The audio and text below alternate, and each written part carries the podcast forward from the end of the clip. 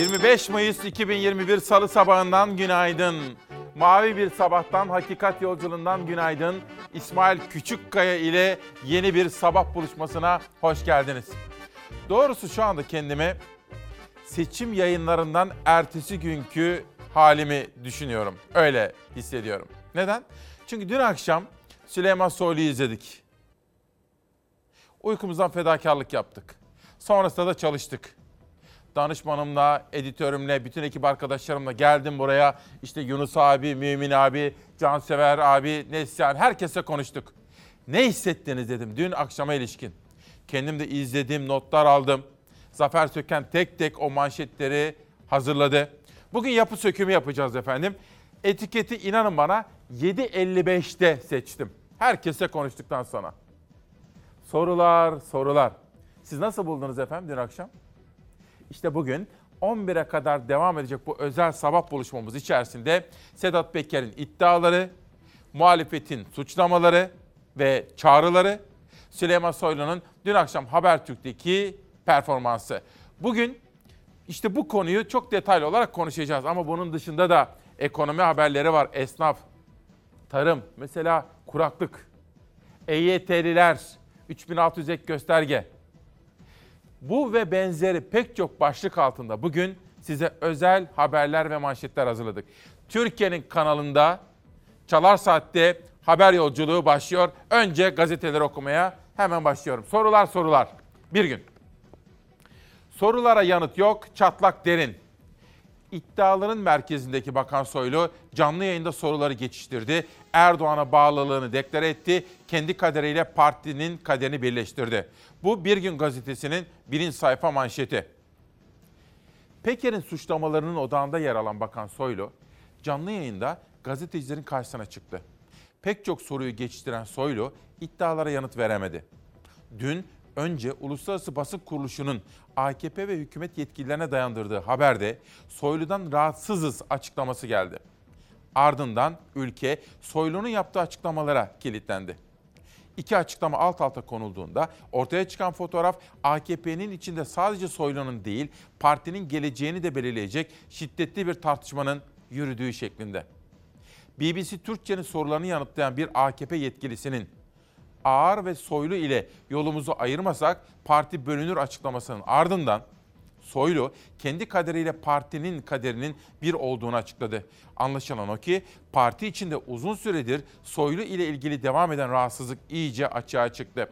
Soylu Erdoğan'a bağlılığını her fırsatta deklare etmeyi ihmal etmedi. Saldırının kendine değil Erdoğan'a ve iktidara yapıldığını anlatmaya çalıştı. Ağır ve Korkut gibi Korkut Eken gibi isimleri ateşe atarak Erdoğan'ın ve kendisinin mücadele edeceğini söyledi. Peker'in faili meçhul cinayet iddialarının ardından İzmir ve Diyarbakır baroları ismi geçen şahıslar hakkında suç duyurusunda bulundu. Peker'in Kutlu Adalı'nın öldürülmesinde eski mitçi Korkut Eken'i işaret etmesini adada yayın yapan gazeteler manşetlerine taşıdılar. Demokratik kitle örgütleri de soruşturma açılması gerektiğini ifade etti. Eski Başbakan Yıldırım ise oğlu Erkam Yıldırım'ın Venezuela'ya uyuşturucu trafiği için gittiği iddiasını biraz meraktan, biraz da iş adamı olarak ziyaret etti sözleriyle yalanladı diyor. İşte bugün 25 Mayıs 2021 Salı sabahında Türkiye'nin Özgür kanalında, Türkiye'nin Çalar Saati'nde bu konuyu çok detaylı olarak işleyeceğiz. Fikirlerimizi ortaya koyacağız. Diyoruz ki sorular, sorular. Organize suç şüphelisinin, suçlusunun e, yıllarca Türkiye'de herkesin bildiği, tanıdığı ve hayatının nereden geldiği, ne olduğu belli olan birisinin bu iddialarının ve iftiraların hepsi saçmadır. İçişleri Bakanı Süleyman Soylu bir kez daha Sedat Peker'in iddiaları için saçmalıktır yorumunu yaptı. Vesayet ortaya koymaya çalışıyor dedi. Bir eleman bir speakerlık yapıyor.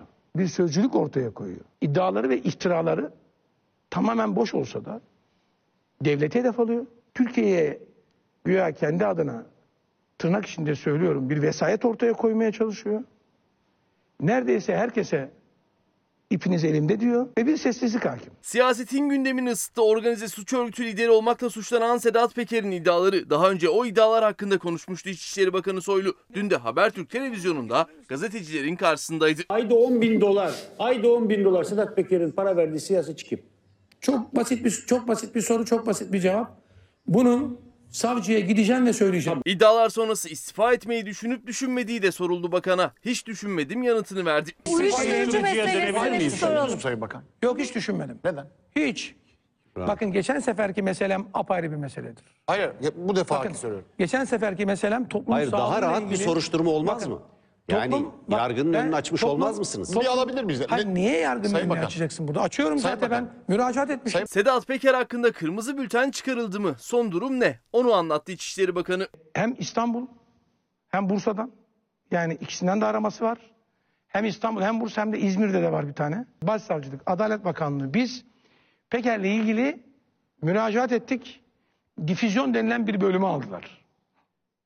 Soğutma. Yani incelenecek. inceleme. Sedat Peker için sert cümleler kurdu Süleyman Soylu. Yapacağı tek şey var diyerek. Bu suç örgütü liderinin burada söylüyorum.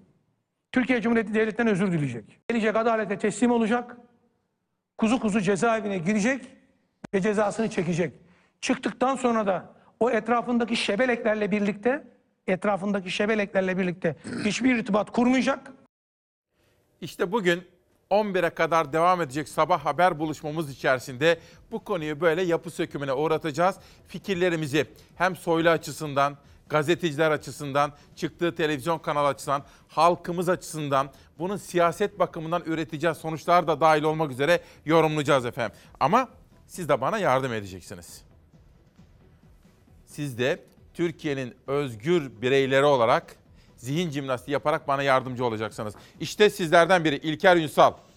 Günaydın. Sayın İçişleri Bakanı karşısındaki gazetecileri sanki hipnotize etti, konuşamadılar bile diyor. Sonuç beni tatmin etmedi diyor. Sevtap Hanım bir Fenerbahçeli sorular soruldu ama cevap veremedi bence. Eveledi geveledi diyor. Fatih Topak bence cevaplar cevaplar demek daha doğru olur. Bunu da düşündüm. Ama sorular sorularda karar kıldık. Tarık Korkmaz çok konuştu ama hiçbir şey anlatmadı. İşin özeti bu derken bir başka izleyenim Zerrin Şafak hiç uyumadan sabahladım sizin yorumunuzu merak ettiğim için diyor. Her birini anlatacağım. Pek çok notlar aldık ama şu kadarını söyleyeyim. Soylu birinci yorumumuz olsun. Soylu bir siyasetçi. Hitabeti güçlü bir siyasetçi. Deneyimini konuşturdu. Bu kadarını söyleyeyim. Devamını parça parça sizlerle paylaşacağım. Bir günden hürriyete geçiyorum. Türkiye'ye operasyon yapıyorlar. Dün biliyorsunuz Hürriyet gazetesi bu konuya hiç girmemişti. Birinci sayfasında dikkatimiz çekmişti. Bugün Süleyman Soylu konuşunca birinci sayfa editörleri bugün Hürriyet'te bu olayı haberleştirmişler. İçişleri Bakanı Süleyman Soylu, Sedat Peker'in iddialarıyla ilgili gazetecilerin sorularını yanıtladı. Türkiye'ye karşı bir ekonomik saldırı var. Türkiye daralsın, ekonomik olarak küçülsün, hareket kabiliyeti olmasın. Biz her şeyi yapmak kabiliyetine sahip olalım. 17-25 6-7 Ekim, 15 Temmuz bütün süreçler içerisinde Türkiye bir operasyona tabi tutuluyor. Dikkat ederseniz o günde 10 bin dolardaydık, bugün de 10 bin dolardayız. O gün faiz 4'tü, bugün 20 seviyesinde. Burada Türkiye'nin üzerine getirilmeye çalışılan tam da budur. Bir operasyondur. Hedef Türkiye dedi. Dün akşam öğrendiğimiz pek çok husus da var aslında. Onu da söyleyelim. TRT'deki programda Cumhurbaşkanı ve AK Parti lideri Sayın Recep Tayyip Erdoğan'la bu konuyu konuştuklarını söylememişti. Dünkü yayında bunu öğrendik. Erdoğan'la Soylu bu konuyu değerlendirmişler efendim. Şimdi dosyamızı izliyoruz.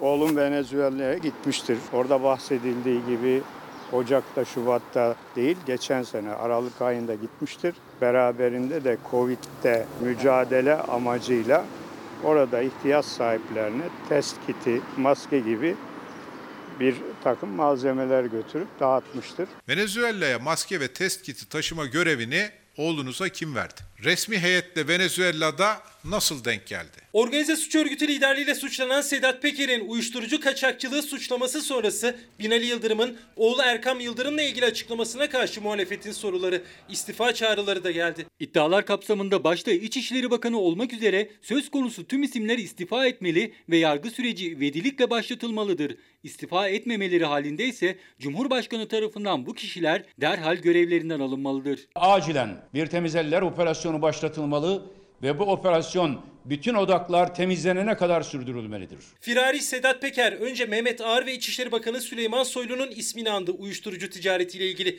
Son videosundaysa Binali Yıldırım'ın oğlu Erkam Yıldırım'ın da ismini zikretti. Ocak-Şubat aylarında Erkam Yıldırım'ın Venezuela'ya uyuşturucu ticareti rotasını belirlemek için gittiğini iddia etti. Bu kesinlikle iftiradır, yalandır. Şiddetle reddediyoruz. Bizimle uyuşturucuyu yan yana getirmek bize yapılabilecek en büyük hakarettir, en büyük yanlıştır. Tümüyle reddediyoruz. Erkam Yıldırım'ın Aralık 2020'de Venezuela'da olduğuna ilişkin fotoğraf karesi ortaya çıktı. Türkiye'nin Caracas Büyükelçiliği'nin 7 Aralık 2020 tarihinde sosyal medyada paylaştığı fotoğrafta Erkam Yıldırım da karede.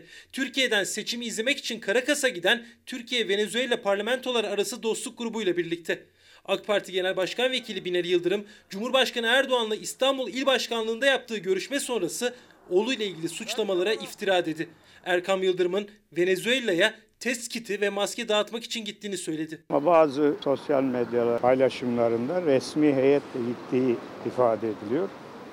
Bu da gerçek dışıdır. Kendi imkanlarıyla, kendisi biletini alarak, masraflarını karşılayarak o ziyareti gerçekleştirmiştir. Gittiği dönemde Türkiye'de günlük vaka sayıları 15.755, Venezuela'da 317, Filistin'de ise 1329. Madem yardım yapılacaktı, vaka sayısı Venezuela'nın 4 katı olan Filistin'e neden yardım etmediniz? Bu olsa olsa çamur at, izi kalsın türünden bir suçlamadır. Unutmayalım ki çamur atanın önce kendi elleri kirlenir. Soruşturmaları yürütecek savcı ve hakimlere mesleki güvencelerinin yanında görev yeri ve görev konuları için de ayrıca güvence garantisi sağlanmalıdır. Devlet Denetleme Kurulu görevlendirilerek araştırma, inceleme ve soruşturma süreçleri başlatılmalıdır. Ayrıca Türkiye Büyük Millet Meclisi'nde de bir araştırma komisyonu kurulmalıdır. Sayın Erdoğan, 19 yıldır bu ülkeyi siz yönetiyorsunuz. Olan bitenin hesabını vermesi gereken de sizsiniz. Muhalefet Sedat Peker'in iddialarının hem yargıda hem de mecliste araştırılmasını istiyor.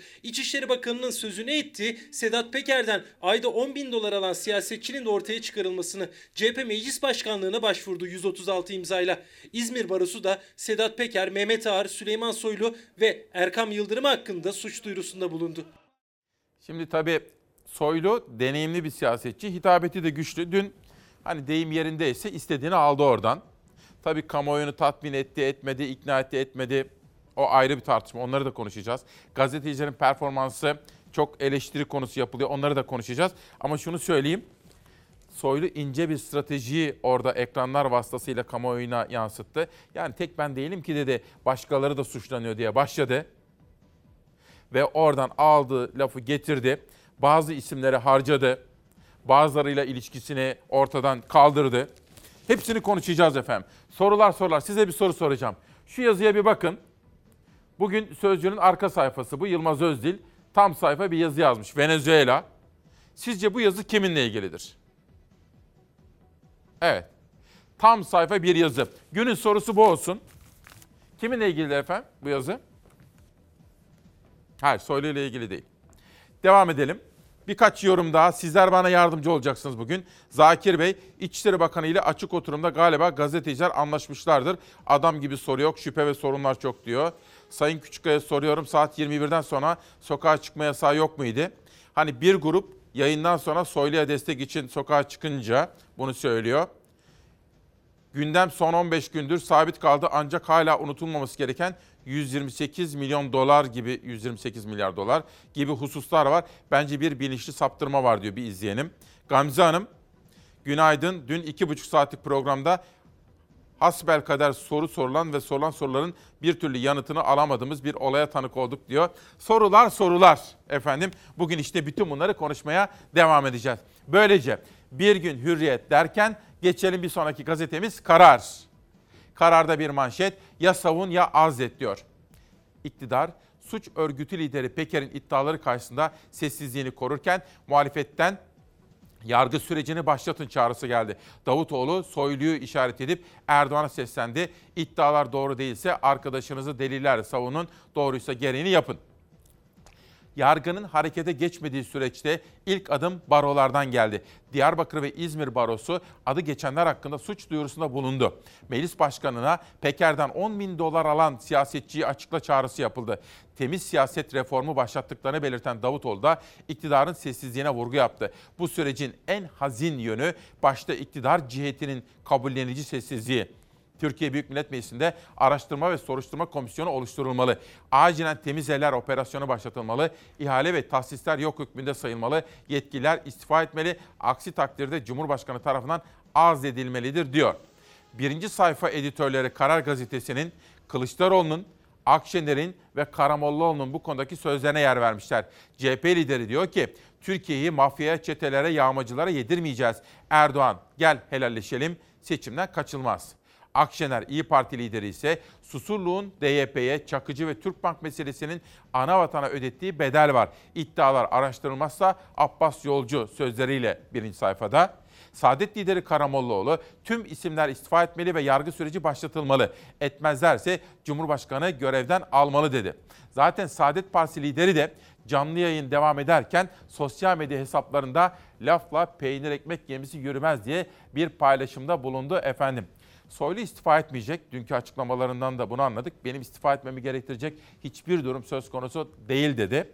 Fakat o kadar ince stratejileri orada ekranlara dolayısıyla kamuoyuyla paylaştı ki doğrusu onu istifaya zorlayanlar açısından veya partisi açısından da çok bilinmeyenli denklemler söz konusu ki bugün her birini konuşacağız. Bu yani Sedat Peker'in iddiaları, muhalefetin çağrıları, İçişleri Bakanı Soylu'nun dün akşamki performansı, gazetecilerin soruları hepsini konuşacağız. Bugün ana öykülerimizden birisi bu. Bir diğeri.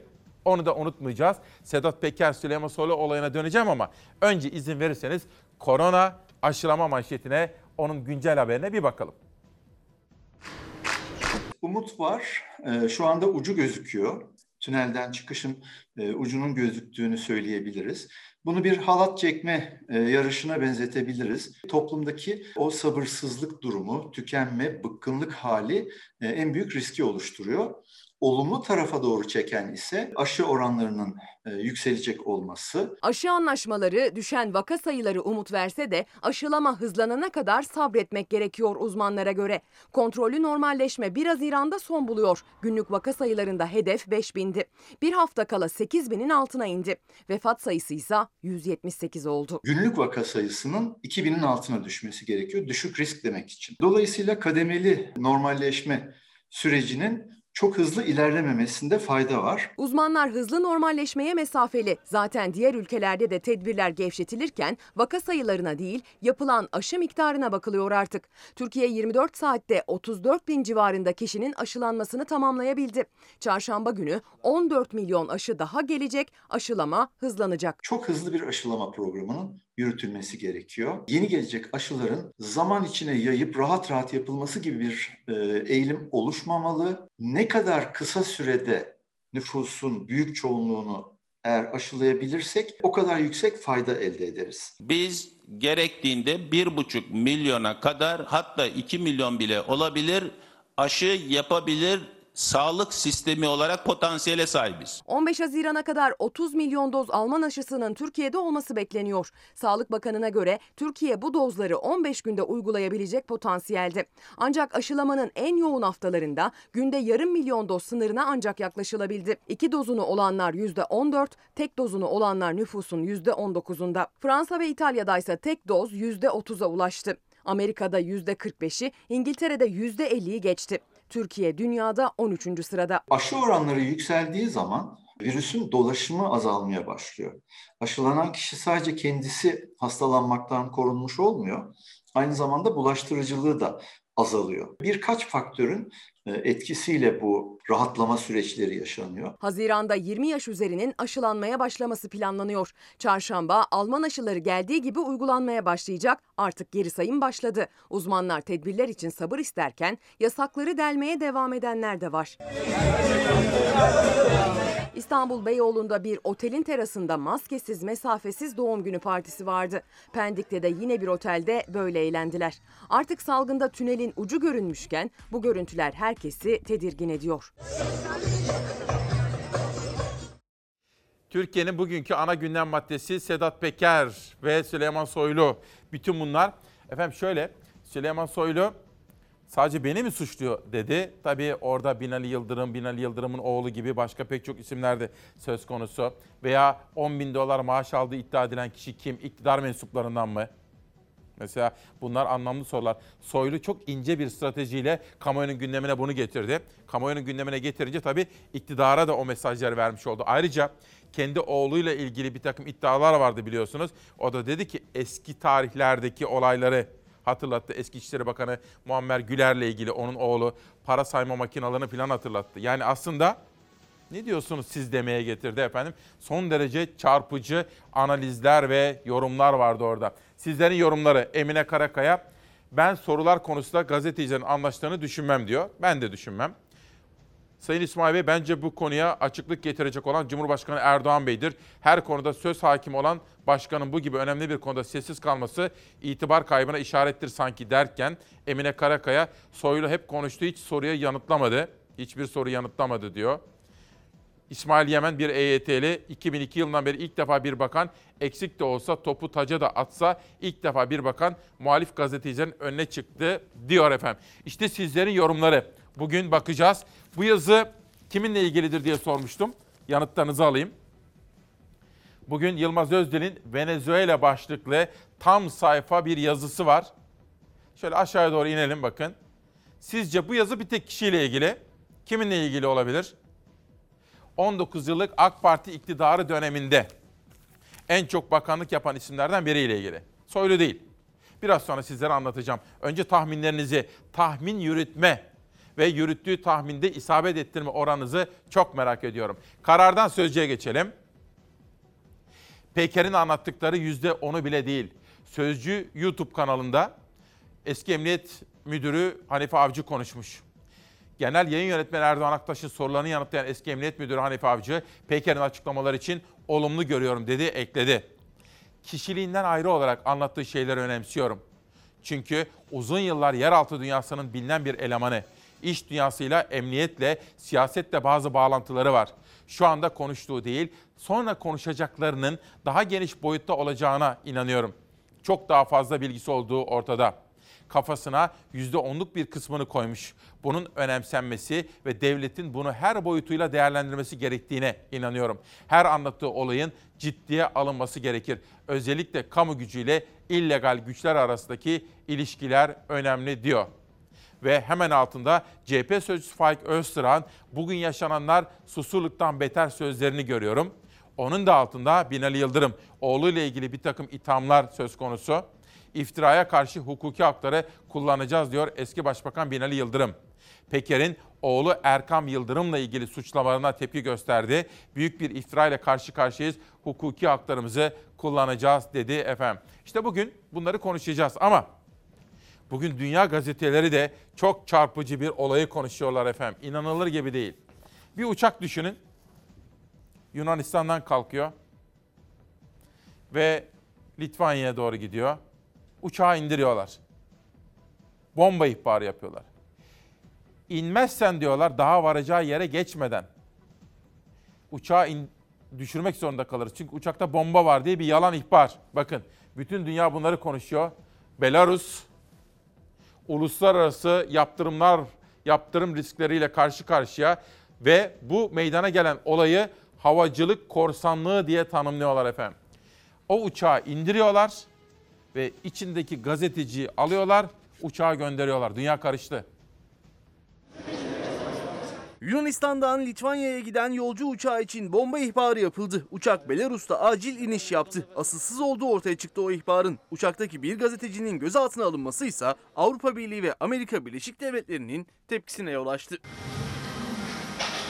Muhalif gazeteci Raman Pratasevic Atina'dan Vilnius'e seyahat ediyordu. Gazetecinin o uçakta olduğunu öğrenen Belaruslu yetkililer sahte bomba ihbarı yaptı. Uçağın acil iniş yapmasına neden oldu. Belarus hava sahasındayken bomba ihbarı alan uçak Belarus'taki Minsk havalimanına indi ve Belarus polisi uçaktaki muhalif gazeteciyi gözaltına aldı. Bomba ihbarının da asılsız olduğu o anlarda ortaya çıktı. Gazetecinin gözaltına alınmasından sonra uçağın tekrar havalanmasına izin verildi ve yolcular varış güzergahı olan Litvanya'ya gazeteci Pratasevic olmadan ulaştı.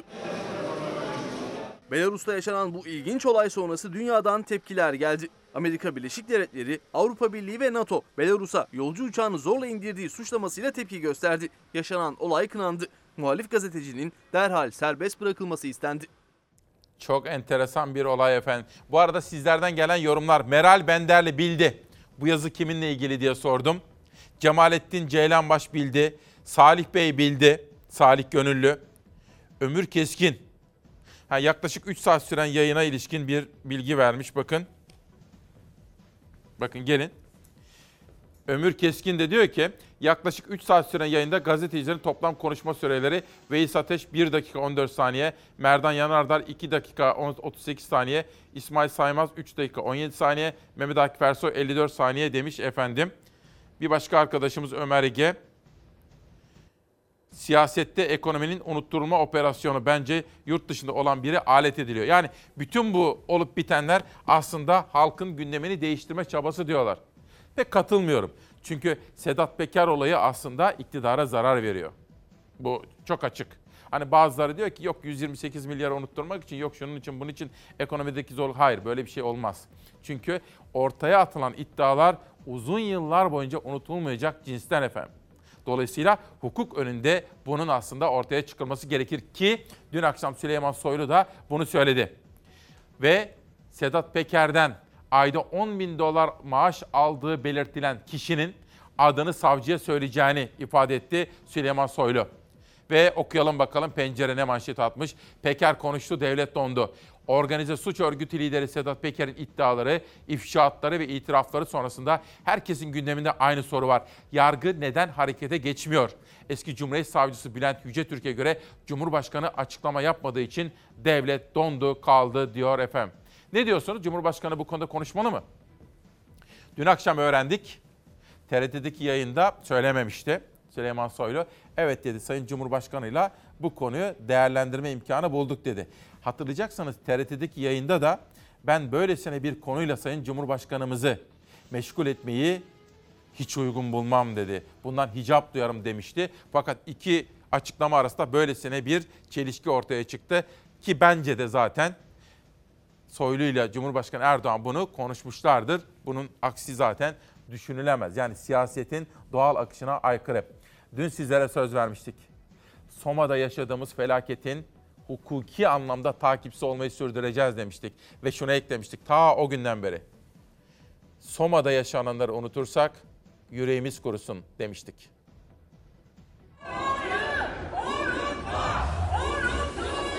En ucuz maliyet kalemi işçi canı. 301 madencinin hayatını kaybettiği Soma davasında ikinci duruşma yapıldı. Mahkeme avukatların reddi hakim talebini reddetti. Aileler adaletin yerini bulmasını istedi. 301 kişiyi tanımıyorlar yani. Olan bizim eşlerimize oldu. 13 Mayıs 2014'te Soma'da yaşanan faciada 301 madenci hayatını kaybetti. O tarihten sonra ailelerin hukuk mücadelesi başladı. İçeride hiç kimse artık tutuklu değil ve bu defteri kapatmak istiyorlar. Aradan 7 yıl geçti. Tutuklu tek bir sanık bile kalmadı. Yargıtay 12. Ceza Dairesi'nin bozma kararının ardından yeniden başlayan yargılamanın ikinci duruşması Akhisar Ağır Ceza Mahkemesi'nde yapıldı. Soma Kömür İşletmeleri Yönetim Kurulu Başkanı Can Gürkan, Yönetim Kurulu üyesi Haluk Evinç ve mühendisler Efkan Kurt'la Adem Osmanoğlu'nun yargılanmalarına devam edildi. Avukatlar sanıkların ses ve görüntü bilişim sistemiyle duruşmaya katılmasına tepki gösterdi. Avukatlar reddi hakim talebinde bulundu ancak mahkeme heyeti bu talebi kabul etmedi. Duruşma 14 Haziran'a ertelendi. Cumhuriyet Gazetesi ve Türk Gün Gazetesi'nde kalmıştık. Cumhuriyet'i okuyalım. Sonra Türk Gün'e geçelim. Bugün SİHA'ların satışıyla ilgili Avrupa Birliği ülkelerine Polonya satışıyla ilgili de özel bir haber yaptırdık. Onu da sizlere sunacağım. Merkez Bankası'nın kayıp rezervini sorgulayan afişlere mahkemeden izin çıktı. 128 milyar dolar özgür. AKP iktidarının sorgulanmasına tahammül edemediği 128 milyar dolar nerede afişlerine mahkeme onay verdi. CHP Edirne İl Başkanlığı'nın afişin savcılık kararıyla kaldırılmasına ilişkin itirazı mahkemece kabul edilerek afişe el koyma kararı kaldırıldı. CHP'nin parti ve belediye binalarına astığı afişler pandemi önlemleri kapsamında ve Cumhurbaşkanı hakaret suçu iddiasıyla kaldırılmıştı. Yurt genelinde il ve ilçe örgütlerinden valilik kararıyla indirilen afişler yeniden asılacak deniliyor efendim. Türk Gün'e geçelim. Türk Gün'de iki haber var. Bir tanesi Saadet Partisi'ni eleştiriyor. Bir de haçla ilgili dün de sizlere sunmuştuk. Önce Saadet Partisi ile ilgili haberi okuyalım şöyle. Bir, bir dakika arkadaşlar bunu bir sonrakinde. Evet şurayı dolalım önce bakın. CHP'nin küçük saadeti. Kameraman arkadaşlarımdan rica etsem. Heh. İslamcı ve muhafazakar kimliğiyle anılan ve bilinen Saadet Partisi bugün Türk İslam düşmanlarına saadet dağıtır hale gelmiştir dedi. Böyle bir manşetle çıkmış. Şimdi sür manşete doğru çıkalım. Haç için aşı şart. Suudi Arabistan heh, bu yıl yapılacak olan haç ibadeti için 60 bin kişilik kontenjan açtı. Bunun 45 bini yurt dışından 15 bini yurt içinden kabul edilecek dedi efendim. İzin verirseniz danışmanımla konuşayım, editörümle konuşayım. Sosyal medyadan sizlerden gelen yorumlara bakalım. Bugün Sedat Peker olayı, Süleyman Soylu'nun açıklamaları, gazetecilerin performansı, sorular sorular. İşte bunları değerlendireceğiz. Günaydın efendim, hoş geldiniz. İşte yeni bir sabahta 25 Mayıs 2021 Salı sabahında İsmail Küçükkaya ile Demokrasi Meydanı'ndasınız. Dün doğrusu uykumuzdan fedakarlık yaptık. 3 saat boyunca Habertürk'te sizlere söz verdiğimiz gibi yayını izledik. Normalde ben hani çok daha erken saatlerde uyumam ve sabah 4'te 4.30'da kalkmam gerekiyordu. Fakat bugün biraz uykusuz kaldık ama önemli değil. Danışmanım bir taraftan ben bir taraftan editörüm, ekip arkadaşlarım çalıştık ve sizler için hazırlandık. Organize suç örgütü lideri olmakla suçlanan Sedat Peker'in iddiaları. Muhalefetin iktidara yönelik ithamları ve çağrıları ve dün akşam Habertürk'teki İçişleri Bakanı Süleyman Soylu'nun performansı. Her birini konuşacağız. Manşeti sabah, dün işte gece yarısı önce danışmanımla, editörümle haberleştim. Sonra geldim buradaki ekip arkadaşlarıma, hatta Mümin'e, Yunus abiye, işte Neslihan'a, Cansever'e hepsine konuştum. İrfan Tomakin dahil, hepsiyle savaşa dahil. En son manşet attım. Sorular sorular. Nasıl buldunuz sahi? Soyluyor. Peki gazetecilere geneli itibariyle hangi sonucu ortaya çıkarttı? Bir soru daha. Sizce Soylu neden Habertürk'e çıktı? Soylu TRT'den kısa bir süre sonra neden bir kere daha yayın yapma ihtiyacı hissetti? Gazeteciler soru sorabildiler mi? Sordukları soruların yanıtlarını alabildiler mi? Peki Soylu istediğini elde etti mi? İlk hüküm şu. Bir gazeteci olarak 29 yıldır bu işi yapan birisi olarak. Soylu deneyimli bir siyasetçi olarak istediğini aldı. Ha o Sedat Peker'in iddiaları yanıt buldu mu? Hayır. Ama Soylu o yayına neden çıktıysa istediğini almayı başardı. Bunun ne demek olduğunu sizler biliyorsunuz ama eğer merak ediyorsanız bunları konuşmaya devam edebilirim. Bunun dışında efendim çok kıymetli bir bilim insanı.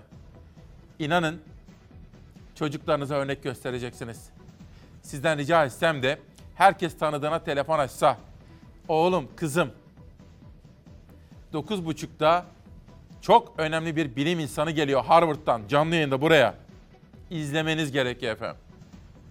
Bu sıkıcı gündemden sizleri ülkemizin geleceği konusunda önemli bir gündeme taşıyacağım.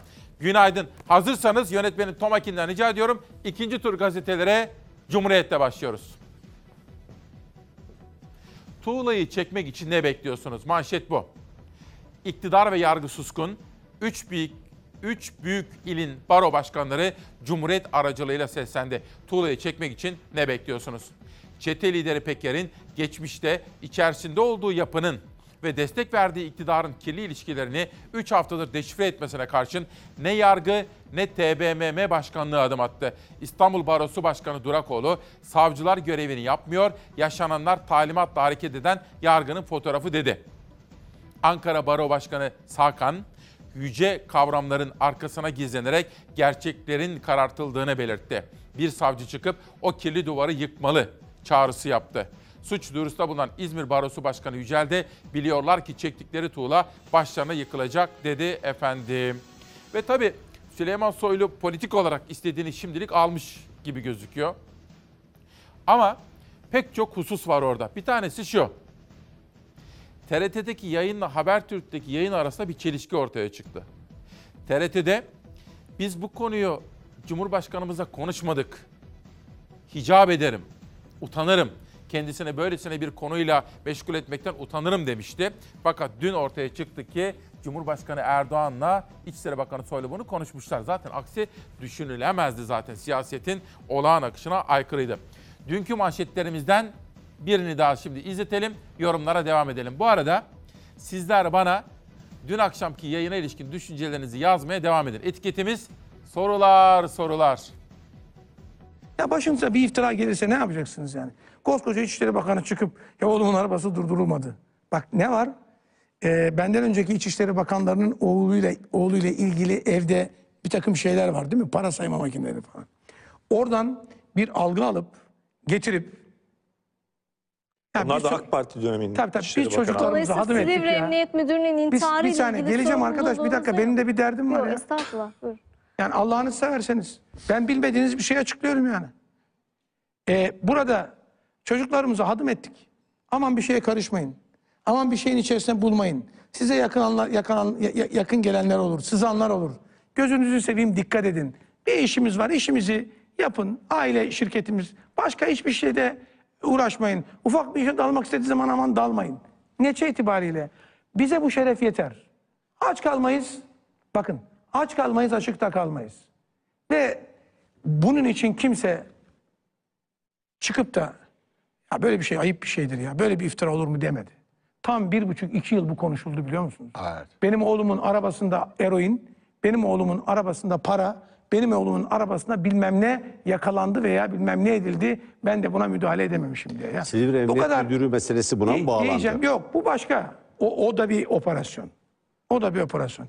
Şimdi Yeniköy motorsu da mesela bir dakika hepsini anlatırım ya. Ne ne diyorsanız ya bunlar ayıp işlerdir. Bunlar bir devletin e, e, adamının, bir İçişleri Bakanı'nın karşı karşıya kalacağı bir e, ucuz bir meczup tarafından suçlanacağı ve Türk toplumunun da bunu değerlendirebileceği işler değildir arkadaşlar ya. Süleyman Soylu tabii kimi hatırlattı size?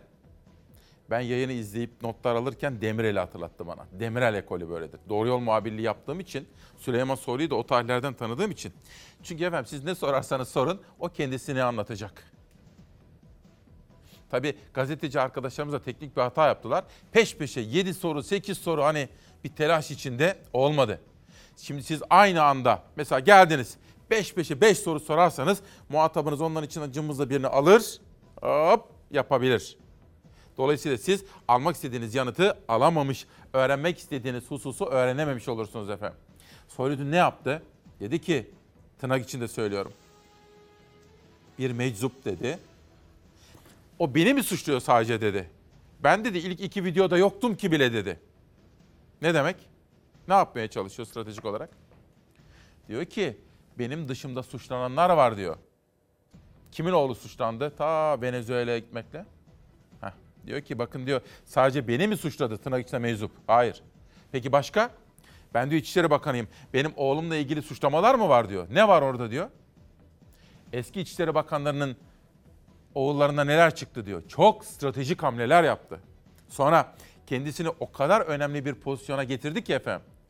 Türkiye'nin şu anda yaptığı terörle mücadele bağlamında AK Parti ile MHP'nin koalisyonuna bunun istikrar için önemine vurgu yaptı. Yani çok stratejikti. Yani o nedenle Sedat Peker'in suçlamaları, gazetecilerin soruları, sizleri tatmin etmemiş olabilir. Ama demem o ki, kızmayın ama demem o ki Süleyman Soylu oradan istediğini aldı. Bakalım sizler ne düşünüyorsunuz? Batuhan Akbaş. Neden iki kelimeyi bir araya getiremedi? Neden gazeteciler soru dahi soramaz hale geldi programda diyor. Biraz evvel bir büyüğüm de diyor ki Engin Bey, hipnotize mi oldu gazeteciler diye soruyor.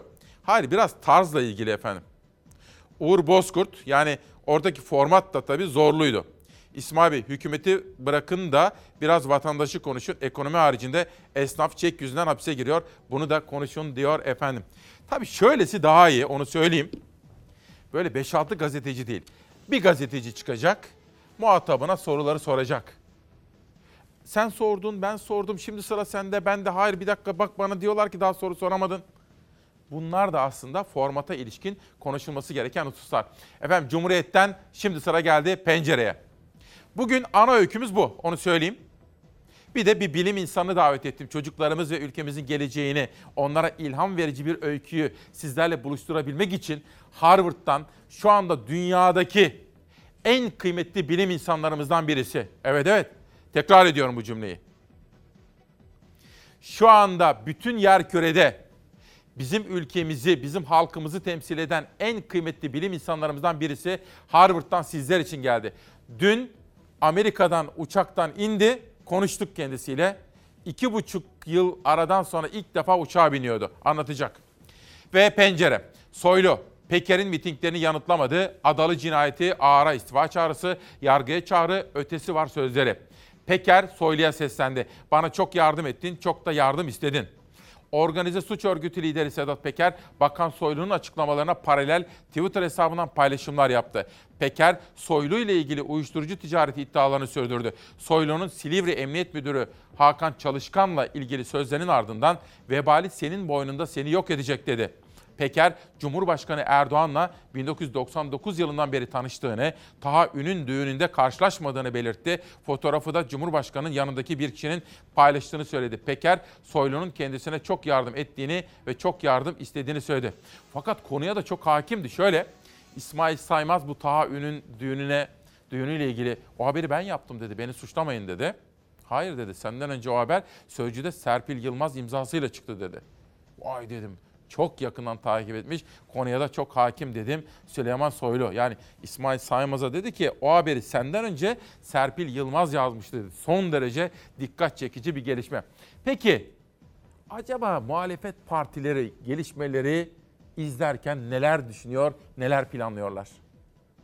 Siyaset cenahında var olan ortaklara bu işleri bilen bir insan olarak tavsiyem bu iddiaların mutlaka araştırılmasıdır savcılar tarafından. Sayın Soylu'nun da soruşturmanın selameti açısından görevinden ayrılması partisinin geleceği, çok sevdiği Sayın Cumhurbaşkanı'nın seçimi açısından elzemdir. Sedat Peker'in gündeme getirdiği ve siyaseti dalgalandıran uyuşturucu kaçakçılığı, faili meçhul cinayet iddiaları ile ilgili Meral Akşener de konuştu. Savcıları göreve İçişleri Bakanı Süleyman Soylu istifaya çağırırken eski İçişleri Bakanı olarak yakın siyasi tarihteki önemli iki olaya atıf yaptı. Susurluk meselesinin Doğru Yol Partisi'ne ödettiği bir bedel var. Aynı bedeli Anavatan Partisi'ne Alaaddin Çakıcı ve Türkbank meselesi ödetmiştir. 1998 yılında Türk Ticaret Bankası'nın özelleştirme sürecinde siyaset mafya ilişkisinin ortaya çıkması sonucu Mesut Yılmaz ve kabinesi istifa etmişti.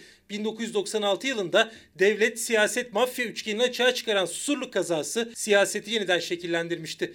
Akşener Susurluk sonrası göreve gelen İçişleri Bakanıyım diyerek uyardı. Tarihe not olarak söyleyeyim. Susurluk kazasından sonra İçişleri Bakanı olan bir şahısım ben. Bakın söylüyorum ki ortaya saçılan bu iddialar, bu isnatlar neyse onun adı adam gibi araştırılmazsa, doğru dürüst soruşturulmazsa, kamuoyuyla paylaşılmazsa zaten seçilemeyecekti Sayın Erdoğan ama gerçekten Abbas Yolcu olur. Akşener'in yakın tarihte siyaseti şekillendiren iki olay üzerinden iktidara yaptığı uyarı dikkat çekti.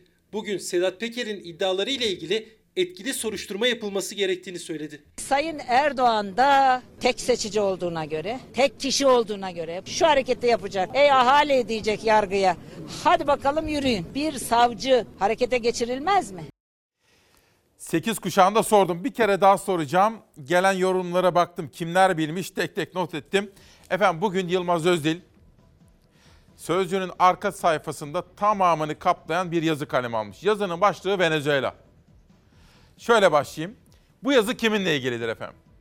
Bir ipucu vereceğim. Soylu diyeceksiniz. Hayır bu yazı Soylu ile ilgili değil. Bu yazı kiminle ilgilidir? Venezuela konunun başlığı.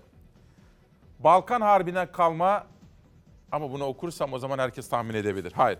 Şimdi Venezuela başlıklı yazı kiminle ilgilidir diye soruyorum. Şöyle 5-6 dakika sonra sizlere de özetleyeceğim. Bugün dedim ki sizlere bu zor görevi tek başıma üstlenemem. Danışmanım, ekip arkadaşlarım da bana yardımcı oldu. Hatta dün yayın sırasında birkaç kere yayın yönetmenim Doğan Şen Türk'ü de aradım. Onun yorumlarını aldım. Ne hissediyor, ne düşünüyor diye. Onunla da konuştum. Ama yetmez. Sizler bize yardımcı olacaksınız. Çünkü yüce halkımızın takdiri. Gelin bakalım neler konuşuyorsunuz. Sorular sorular.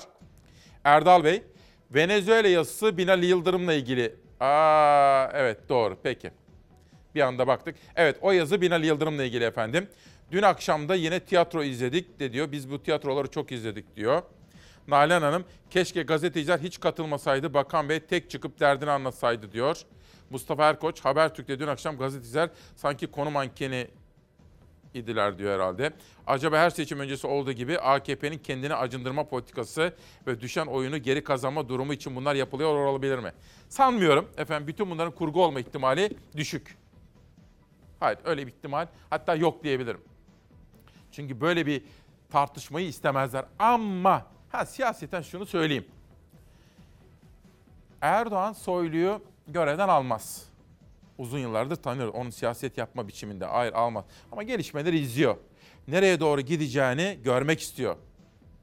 Ha Soylu kendiliğinden istifa etse bundan memnun olacak çok sayıda AK Partili var bunu biliyorum. Ama Soylu da istifa etmez. Dün ben istifa etmiyorum. İstifa etmem gerektirecek bir şey yok mesajını verdi. O işte Binali Yıldırım göndermesi, ondan sonra Muammer Güler eski İçişleri Bakanı oğlu göndermeleri çok akıllıca hamlelerdi.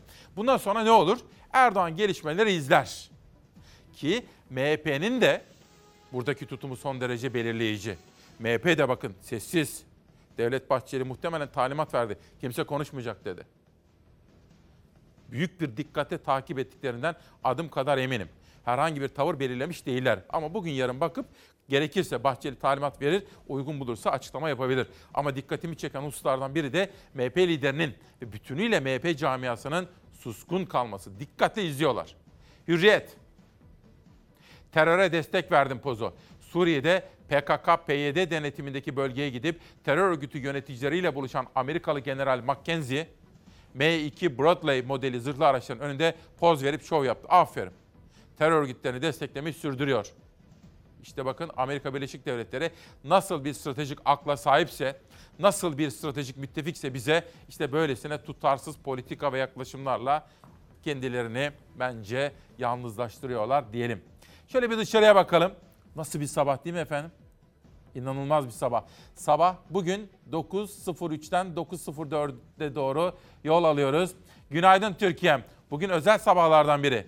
Hava durumunu izleyeceğiz ama etiketi hatırlatmak istiyorum. Şu anda en çok etkileşim yapılan etiketlerden birisi. İlk ikinci sıraya kadar geldi. Sorular sorular.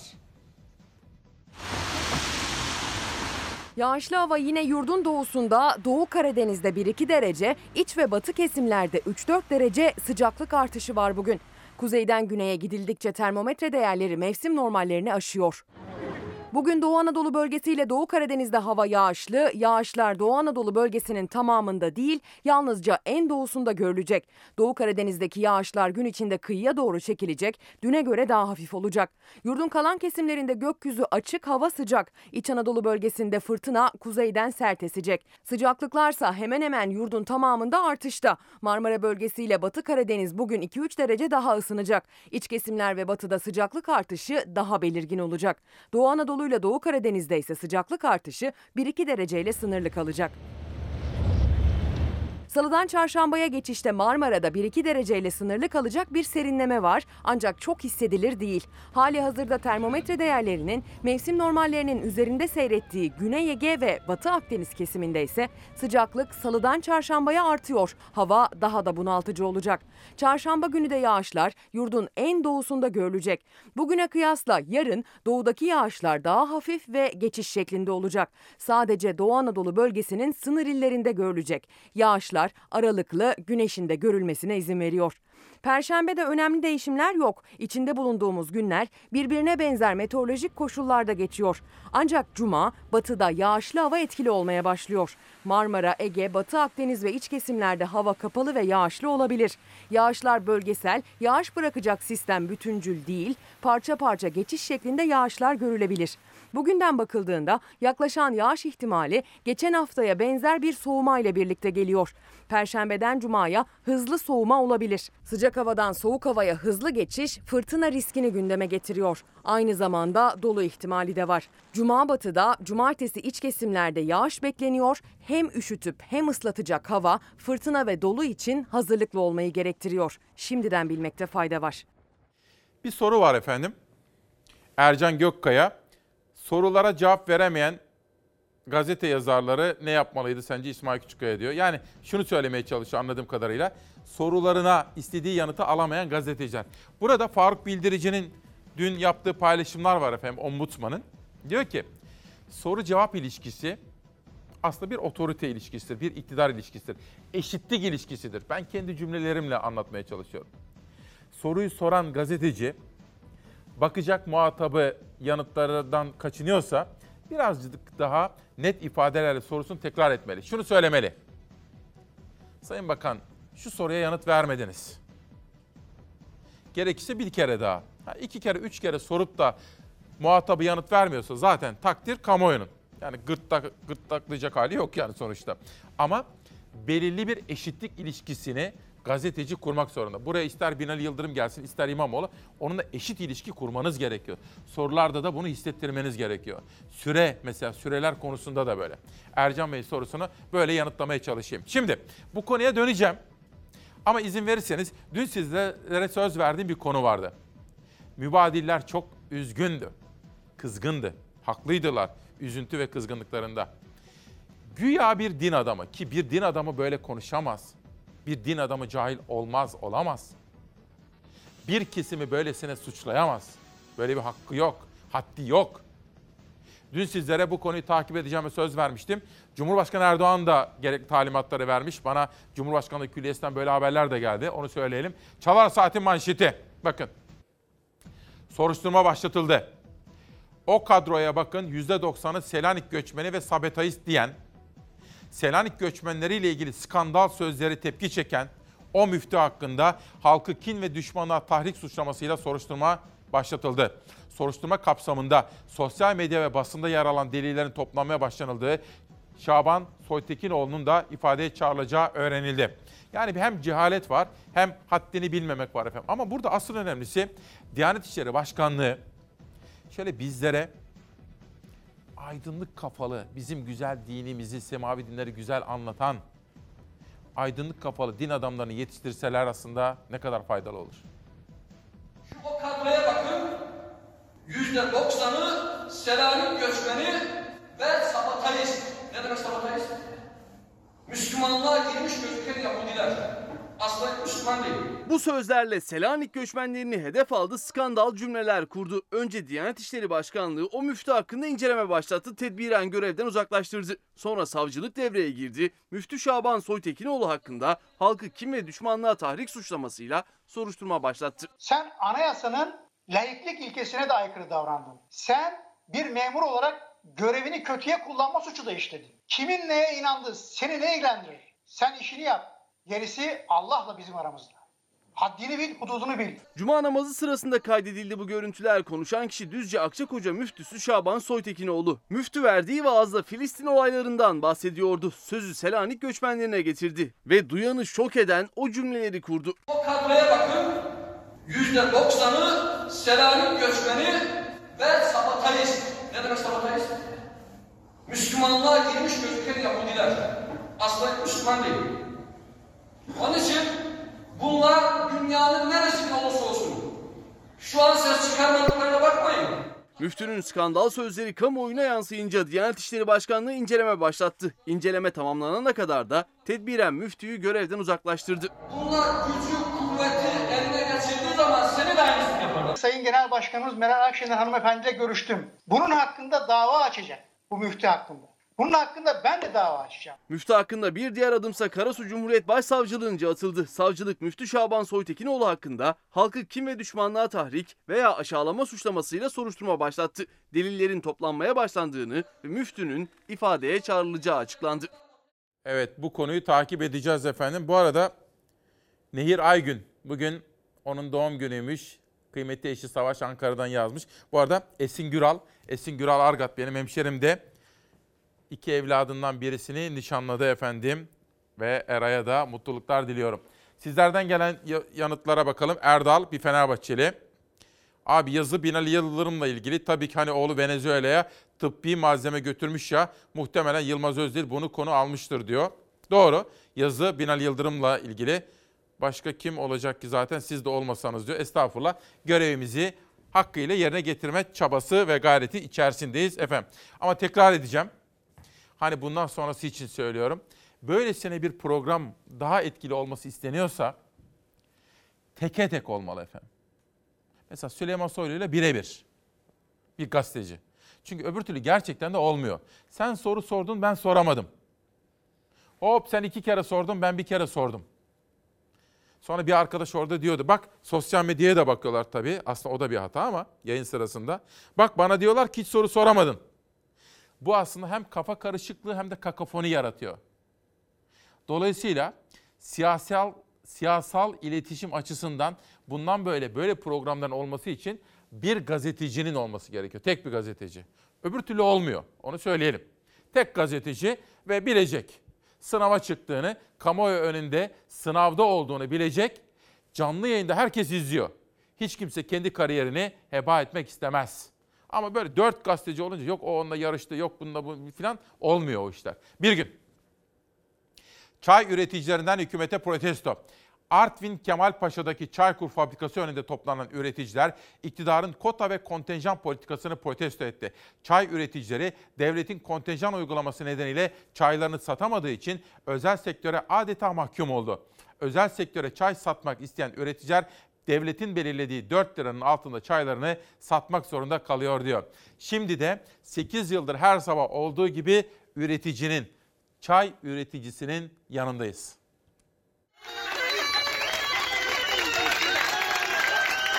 Çay fabrikasının önünden geçen uluslararası yolu tulum eşliğinde kestiler. Çay üreticileri Çaykur'un alıma başladıktan kısa süre sonra başlattığı kota kararını protesto etti. Günlük kota ve kontenjan uygulaması üreticiyi özel sektöre mecbur bırakıyor. Özel sektör fabrikaları 400 ton, 500 ton ama devletin fabrikası 200 ton alıyor. Böyle bir şey olabilir mi ya? Böyle bir mantık olabilir mi ya?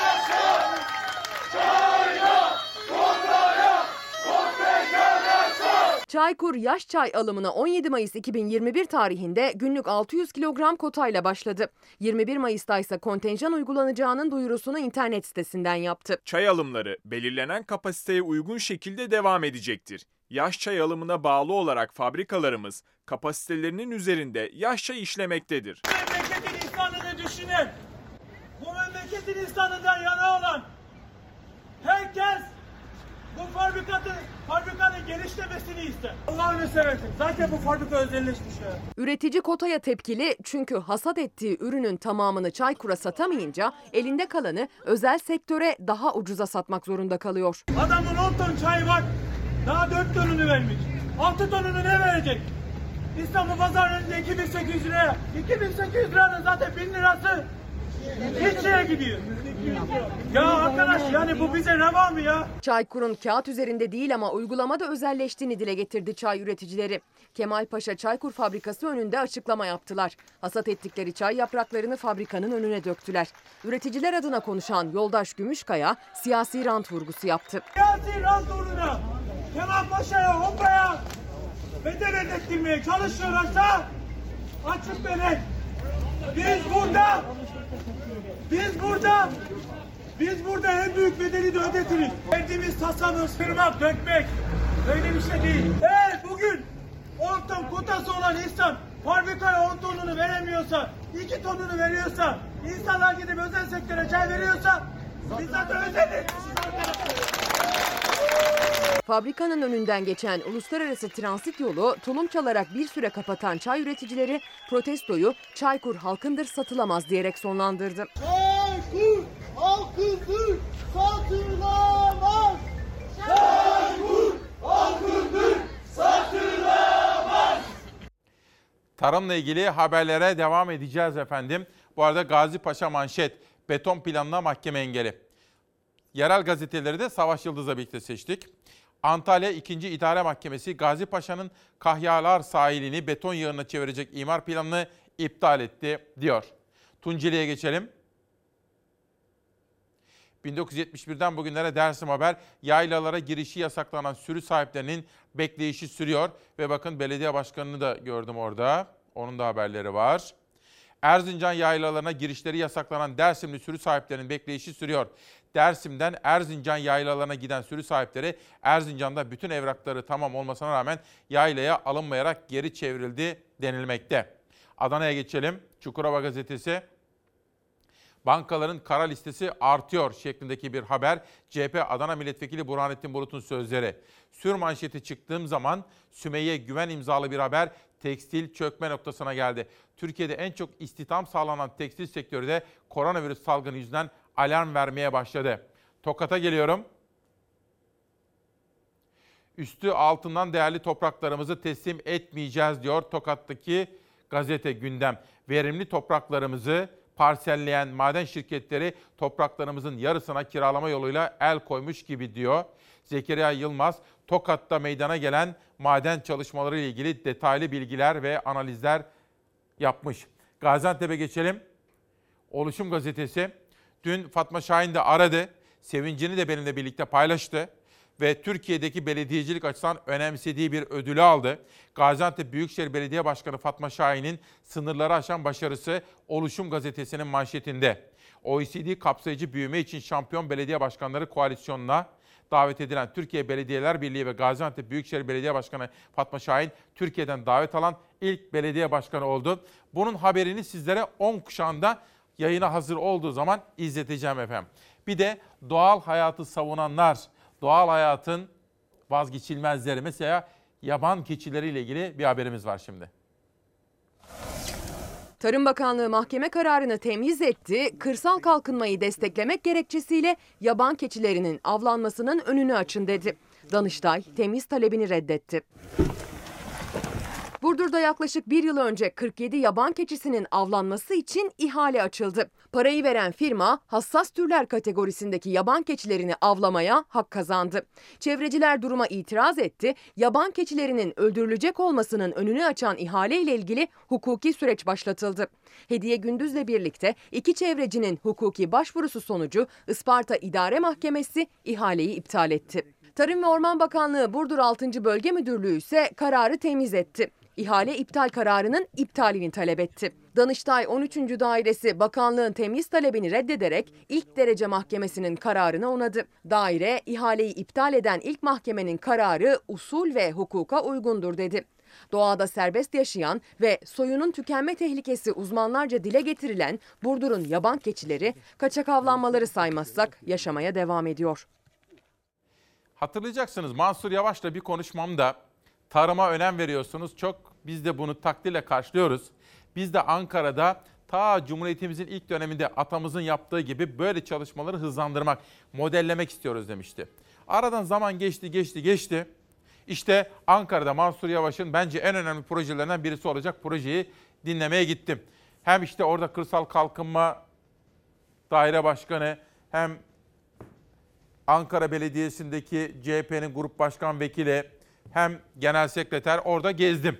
Sonra bir günümü ayırdım efendim. İşçi kardeşlerimizle de konuştum. Bu projeyi önemsiyorum. Çünkü özellikle de pandemi döneminde gıda fiyatları da artarken tarıma daha fazla önem vermemiz gerekiyor. Ankara Büyükşehir Belediyesi Kırsal Hizmetler Daire Başkanı Mekin Tüzün. Şu anda içinde bulunduğumuz arazi Büyükşehir Belediyesi'nde tarım kampüsü. 2700 dönümlük Gölbaşı ilçesinde yer alan bu kampüste tarımsal faaliyetler hemen hemen her e, branşta uygulamaya başladı.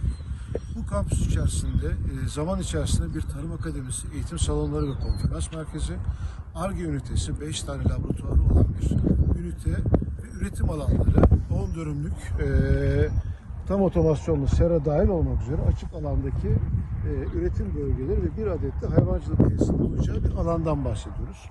12.100 adet 21 çeşitli e, fidanlarımızı diktik, meyve bahçelerimizi oluşturduk. Bunun dışında ürettiklerimizin yanında bir e, ahşap atölyemiz var. E, insanlara burada çeşitli eğitimlerde kullanacağımız bir ahşap atölyesiyle beraber laboratuvarlarımızda Ankara halkına hizmet vereceğiz. Burası hem bir Şimdi bu tabii rüzgarlıydı. Fakat buna ya altyazı yazacağız ya da ben bunu sizlere birazcık daha kendim anlatayım olur mu biraz sonra? Yani özetle şöyle anlatayım. Mansur Yavaş demiş ki, Gölbaşı burası. Burayı demiş tamamen tarımsal üretim modeli yapalım. Başına da işte kırsal kalkınmaya çok akıllı birini getirmiş. Ta Balıkesir'deki başarılı örnekleri, Balıkesir'in eski ve yeni AK Partili belediye başkanlarının da buradaki oradaki çalışmaları önemliydi. Model almışlar. Mansur Yavaş da kendi özgün fikirlerini ortaya koymuş.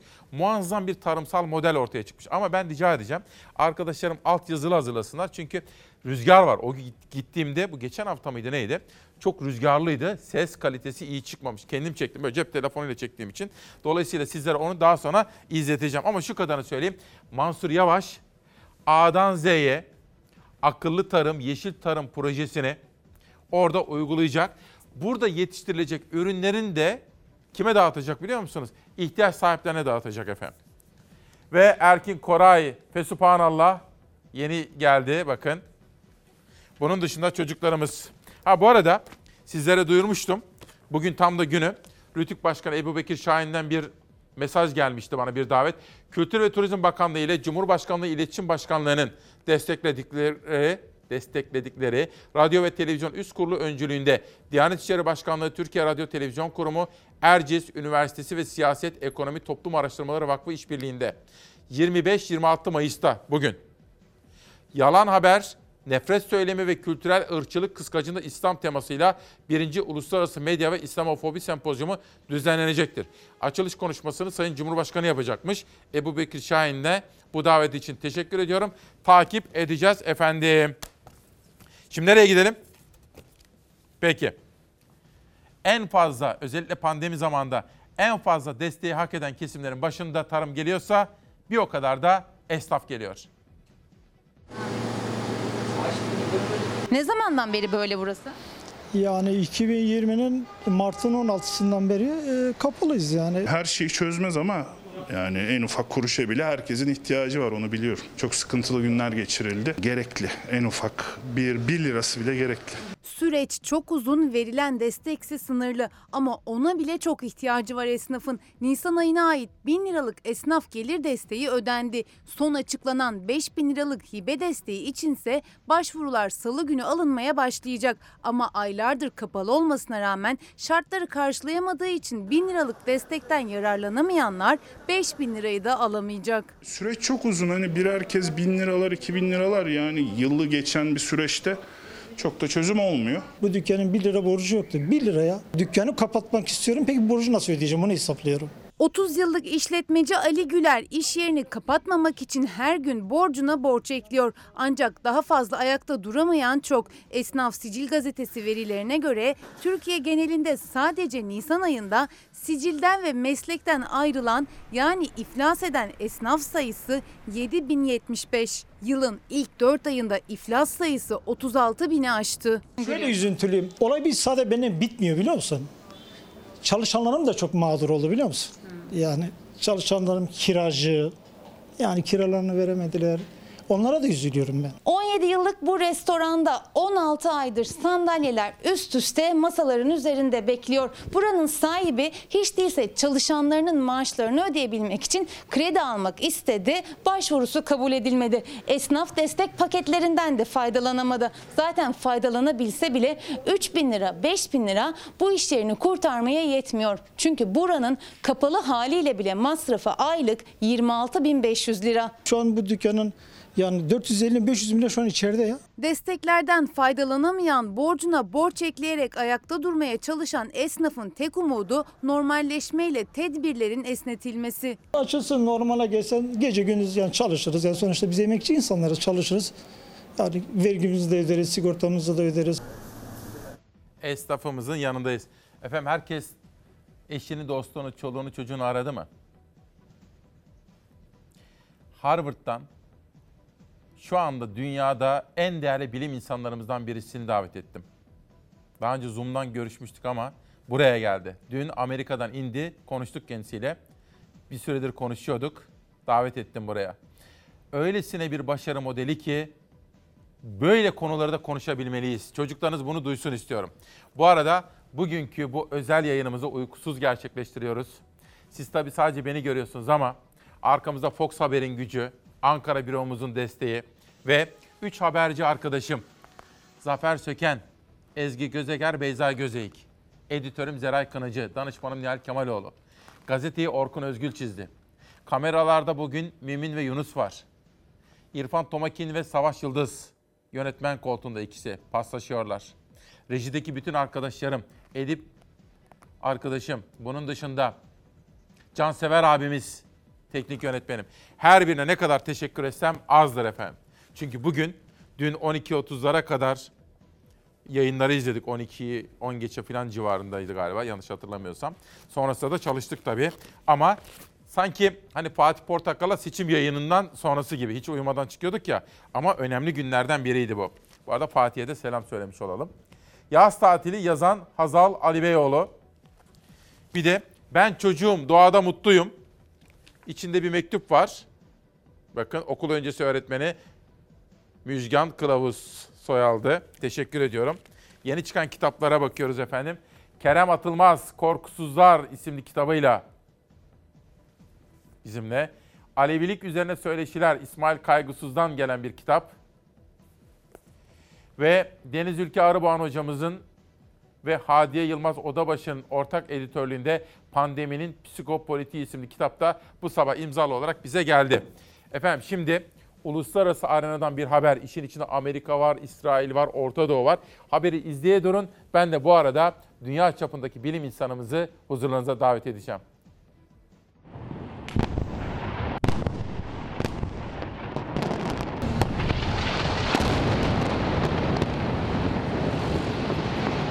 İsrail ve Hamas arasındaki ateşkes İsrail güçlerinin ihlaline uğrarken Amerikan Dışişleri Bakanı Antony Blinken Orta Doğu gezisine çıktı. Blinken önce Netanyahu'yla ardından Mahmut Abbas'la görüşecek. İsrail ve Hamas ateşkesi sonrası sular durulmadı. Ateşkes istikrarını gözeten bir stratejik yaklaşım benimsediği ifade edilen Blinken, İsrail Başbakanı Netanyahu ve Filistin yönetimi lideri Abbas'la görüşecek ilk olarak. Blinken'ın sonraki durağı ise Mısır olacak. Cumhurbaşkanı Sisi ile görüşecek olan Amerikan Dışişleri Bakanı ardından Ürdün'de Kral Abdullah'la temasta bulunacak. Since the United States İsrail'e 735 milyon dolarlık silah satışında bulunacak Amerika Birleşik Devletleri'nde Başkan Biden, Blinken'ın gezileriyle ilgili yazılı açıklamalarda bulundu. Blinken, İsrail'e Amerika'nın sarsılmaz bağlılığını ifade edecek satırları yer aldı metinde. İsrail'e satılacak Amerikan silahları gündemde henüz çok sıcakken New York Times iki ülke arasındaki siyasi ilişkileri ele alan dikkat çekici bir yazı yayınladı. İsrail'in düşmanları için ihtiyacı olan Amerika desteğine artık eskisi kadar ihtiyaç duymadığı yazıldı. İsrail'in Amerika Birleşik Devletleri bağımlılığının sona ermeye başladığı iddia edildi. Ülkenin Batı'nın desteğini almasının yanı sıra Brezilya, Hindistan ve Macaristan'la da ilişkilerini çok geliştirdiği vurgulandı. Bugün sorular sorular dedik efendim. 11'e kadar daha bu Süleyman Soylu, Sedat Peker meselesine devam edeceğim. Daha söylemek istediklerimiz var. Bu arada bakar mısınız Yasemin Kök cin gibi. Ben uluslararası çapta bir bilim insanımız dedikçe bakın sizlerden yorumlar geliyor. 3 kişi bildi. Bunlardan biri Yasemin Kök. Gökhan mı geliyor acaba dedi. Aa, bir tanışıklığı var mı bilmiyorum. Evet Gökhan Hotamışlıgil geliyor efendim. Sizlerle tanıştırmak için yani yüz yüze de tanıştırmak için sabırsızlandığım bir değerli birim insanımız. Medet Engin Tunca'nın kitabı ve bu sabah tanıtacağım kitaplardan biri de Karlı Raylar İlyas Toprak. Ve uzun zamandır takipçi olduğum önemli konulardan biri. Bugün çok sayıda gazetenin de mesela sabahın da manşetinde, Türk'ün gazetesinde de sür manşette vardı yanlış hatırlamıyorsam. Türkiye ilk defa NATO ülkelerine, Avrupa Birliği ülkelerine insansız, silahsız hava aracı satmak için dün Polonya ile anlaşma imzaladı.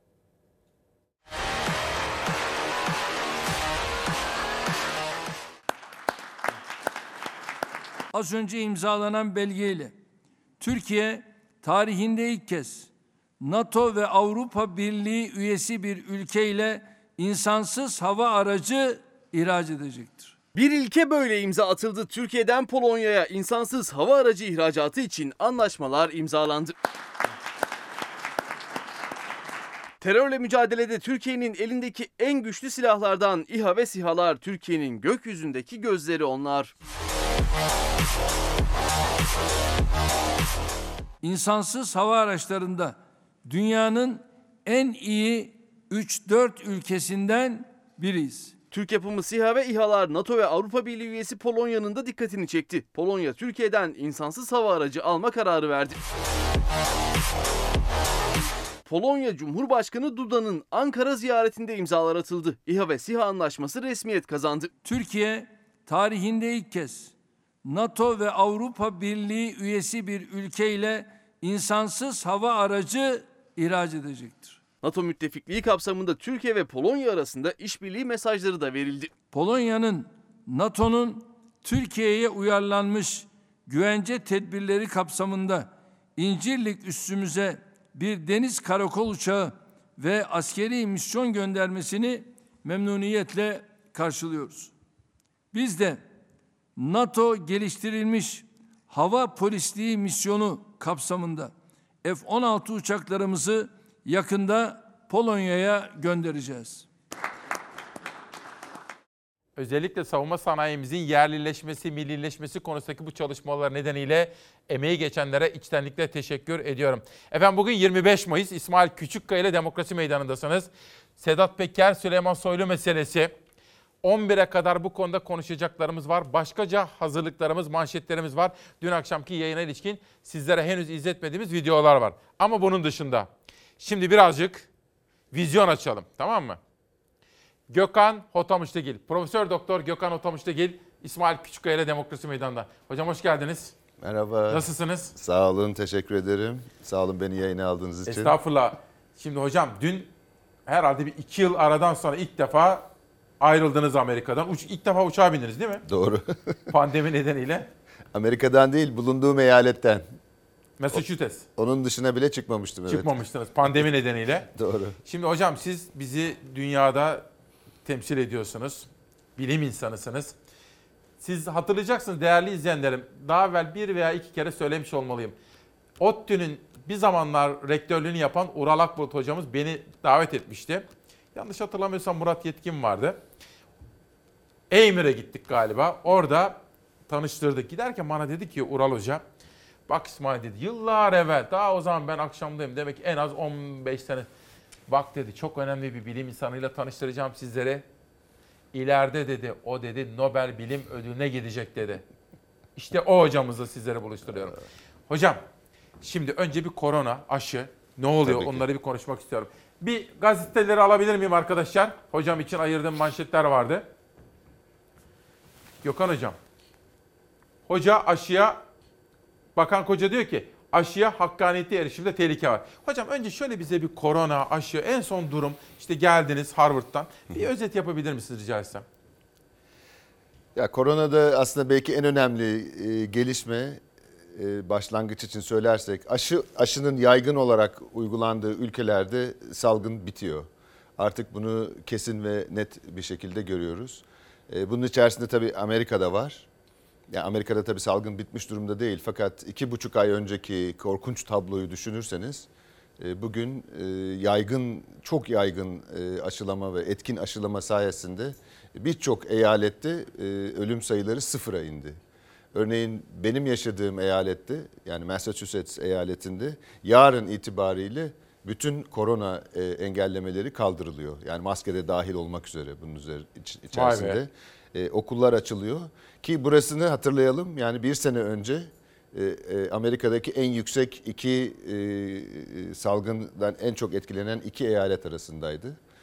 E, dolayısıyla e, koruyucu e, önlemlere etkin aşı eklendiğinde e, salgının kesin olarak e, kontrolü, ölümün kesin olarak e, kontrolü e, mümkün. Ve e, bu aşı uygulaması yayıldıkça bunu yapan ülkelerde aynı sonuçlar görülecek. Yani şu anda e, tünelin ucundaki ışık çok parlak. Ne güzel. Ee, Ama o ışığı görebilmek için yapmamız gerekenler var. Evet. Yani bu tabii bu süreci hem insanlık tarihi için çok e, zor bir süreç olarak görmemiz lazım. Fakat aynı zamanda da e, bilim için yani insanlık tarihinin kendini tehdit eden etkenlere karşı verdiği en mü- müthiş savaşlardan biri olarak görmemiz lazım. E, yani elimize çok çok kısa bir süre içerisinde çok sayıda ve çok güçlü e, aşı geçti. Bu gerçekten inanılması çok zor bir şey. E, o yüzden ben aslında anlıyorum bir takım insanların buna biraz şüpheli gözle bakmasını. Nasıl olabilir bu kadar süratle, Aşıya bu kadar e, güçlü e, silahların geliştirilmesi diye. E, fakat e, bunu bu kararı vermeden önce, bu algıyı yaratmadan önce yani onun arkasındaki 50 senelik müthiş e, biyoteknoloji, biyoloji devrimini e, düşünmek lazım. Yani bu e, mRNA aşıları diyoruz örneğin. Yani bizim e, bu- bugün bir sempozyumumuz başlayacak. E, bu sempozyumda 2006 senesinde Nobel Kimya Ödülünü almış bir konuşmacı olacak Roger Kornberg diye. Yaptığı şey e, messenger RNA'nın nasıl ortaya çıktığının mekanizmasını bulmak. Yani ta ki bu en eski şey değil. Yani e, 30 40 50 senedir süren müthiş bir devinim var e, biyoteknolojide ve onun ürünü olarak görüyoruz Bir bunu. bilgi vermem gerekiyor hocam. Siz tabii çok güzel anlatıyorsunuz. Değerli izleyenlerim, şimdi şöyle hocama da soracağım. Bir bizim çoğunluğumuzun olduğu gibi Çin aşısı var. Bu eski teknolojiyle, eski teknoloji demeyeyim, geleneksel aşı üretim metoduyla yapıldı. Bir de mesela Pfizer var. Mesela ben Pfizer aşısını tercih ettim sıram geldiği zaman. Amerika'da Moderna aşısı var. Hem Moderna hem Pfizer olabiliyor. Bunlar da yeni teknolojiyle üretildi. Hocam siz ne oldunuz aşı? Moderna aşısı oldu. Eşiniz Selen Hanım da? O da Moderna aşısı O da oldu. Moderna. Çocuklar? Çocuklarımızdan biri Moderna, biri e, BioNTech Pfizer aşısı Kızınız oldu. mı Pfizer oldu? Evet, Oldu. kızımız. Ha, tamam. Şimdi hocam bunu bir kısacık bir anlatır mısınız? Yani Çin aşısı çünkü ilk başta bize Çin geldi. E, orada da bir tereddütler vardı aslında fakat o tereddütlerin yersiz olduğu açıklandı. Kısacık bir özet yapar mısınız? Ya kısa özeti şu, e, tabii ilk öncesinde dediğiniz gibi yani Çin aşısı klasik, e, belki onunla ilgili daha çok deneyimimiz var o yöntemle. E, bu aşılar yeni, daha az şey biliyoruz gibi bir endişe kaynağı e, ortaya çıkmıştı. Bu tamamen yanlış ve yersiz. E, bu şekilde olduğunu söyleyebilirim.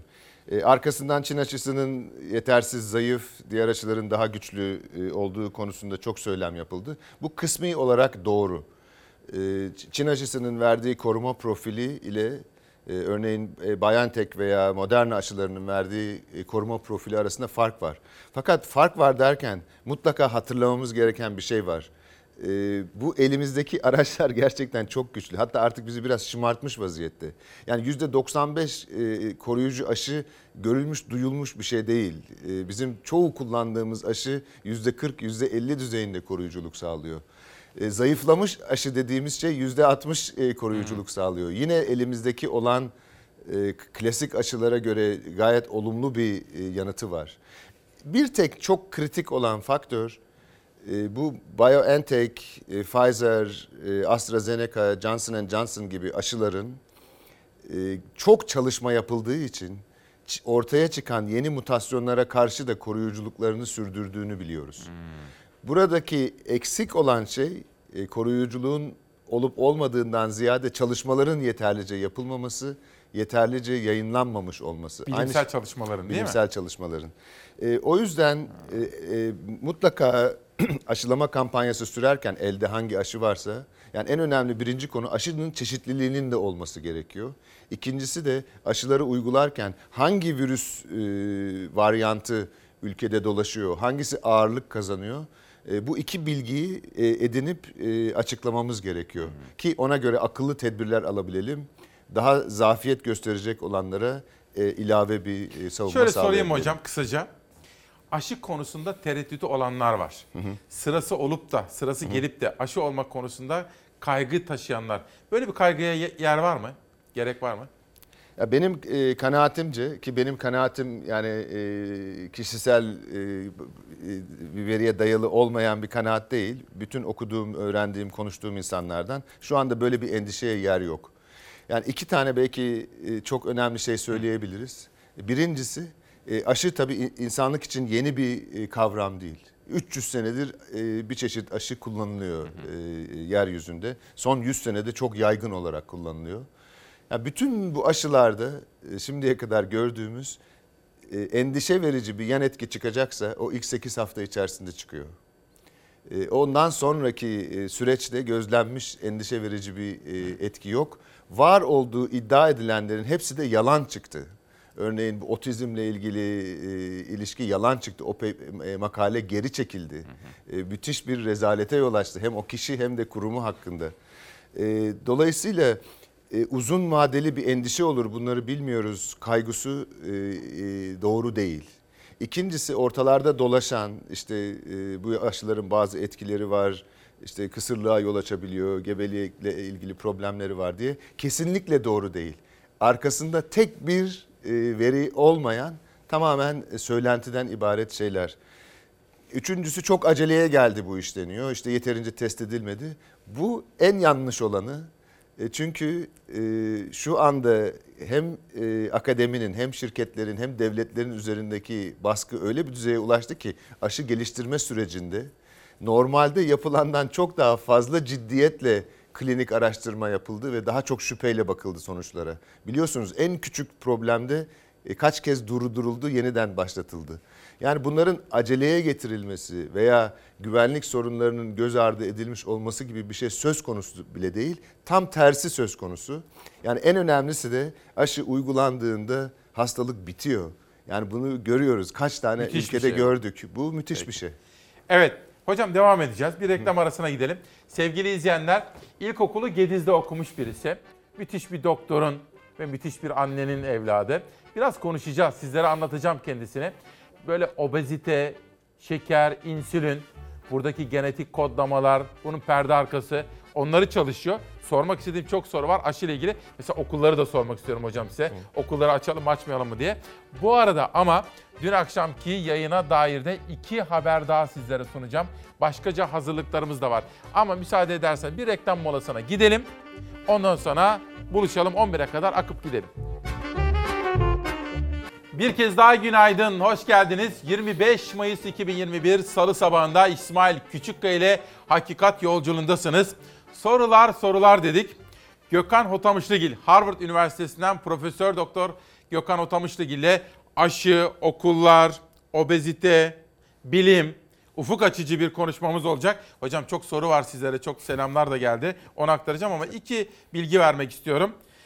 Dün akşam televizyonda Habertürk kanalında Süleyman Soylu organize suç örgütü lideri olmakla suçlanan Sedat Peker'in iddiaları muhalefetin iktidara yönelik Soylu istifa etmeli çağrılarını yanıtladı. Az evvel sosyal medyada gördüm Kübra Apar programın moderatörü çok eleştiri gelmiş olsun biz elimizden geleni yaptık diyor ve izleyenlere teşekkür ediyor. Bu konudaki haberleri de sizlere bir sunmak istiyorum. 8'den itibaren çok farklı kuşaklarda farklı manşetler yaptık. Adeta yapı sökümüne uğratmaya çalıştık dün akşamki programı. Her bir detayını tam bir yansızlık içinde sizlere aktarmaya çalıştık. Bir gün gazetesinin haberi ve bu konudaki bir manşetimize devam edeceğim. Sorulara yanıt yok, çatlak derin diyor Bir Gün Gazetesi. İddiaların merkezindeki Bakan Soylu canlı yayında soruları geçiştirdi. Erdoğan'a bağlılığını deklare etti. Kendi kaderiyle partinin kaderini birleştirdi diyor efendim. Peki bir de Mehmet Ağar meselesi vardı. Tabii Süleyman Soylu çok ince bir stratejik hamle yaptı. Tabiri caizse kendi istediğini aldı. Ha Sedat Peker'in suçlamaları ne kadar yanıtladı, kamuoyunu ne kadar ikna etti o ayrı. Gazetecilerin performansı da ayrı ama siyaseten akıllı bir siyasetçi olduğu için Süleyman Demirel ekolünden gelen bir isim olduğu için, hatip olduğu için istediğini aldı. Mesela Mehmet Ağar meselesini bakın gündeme nasıl getirdi. İçişleri Bakanlığı'nı yaptım. Bitti. Bu benle mezara gidebilecek bir hadisenin kendisidir. Nedir? Devlet bana bir sır emanet etmiş ya. Bir sır. Bir sır emanet etmiş devlet. Ve eğer ben hukukun dışında bir iş yapmışsam, devletin yapması gereken hukukun dışında yaptığım işin peşine takılmaktır. Takılması gereken savcılardır. Ama eski abilerimizin bizi götürüp bir şeyin önüne atıp savcıların göreve gelmesi lazım demeyi de zin kabul etmiyorum. Bu Kime kadar basit. sözünüz bu? Bu sözünüz Ve- kime?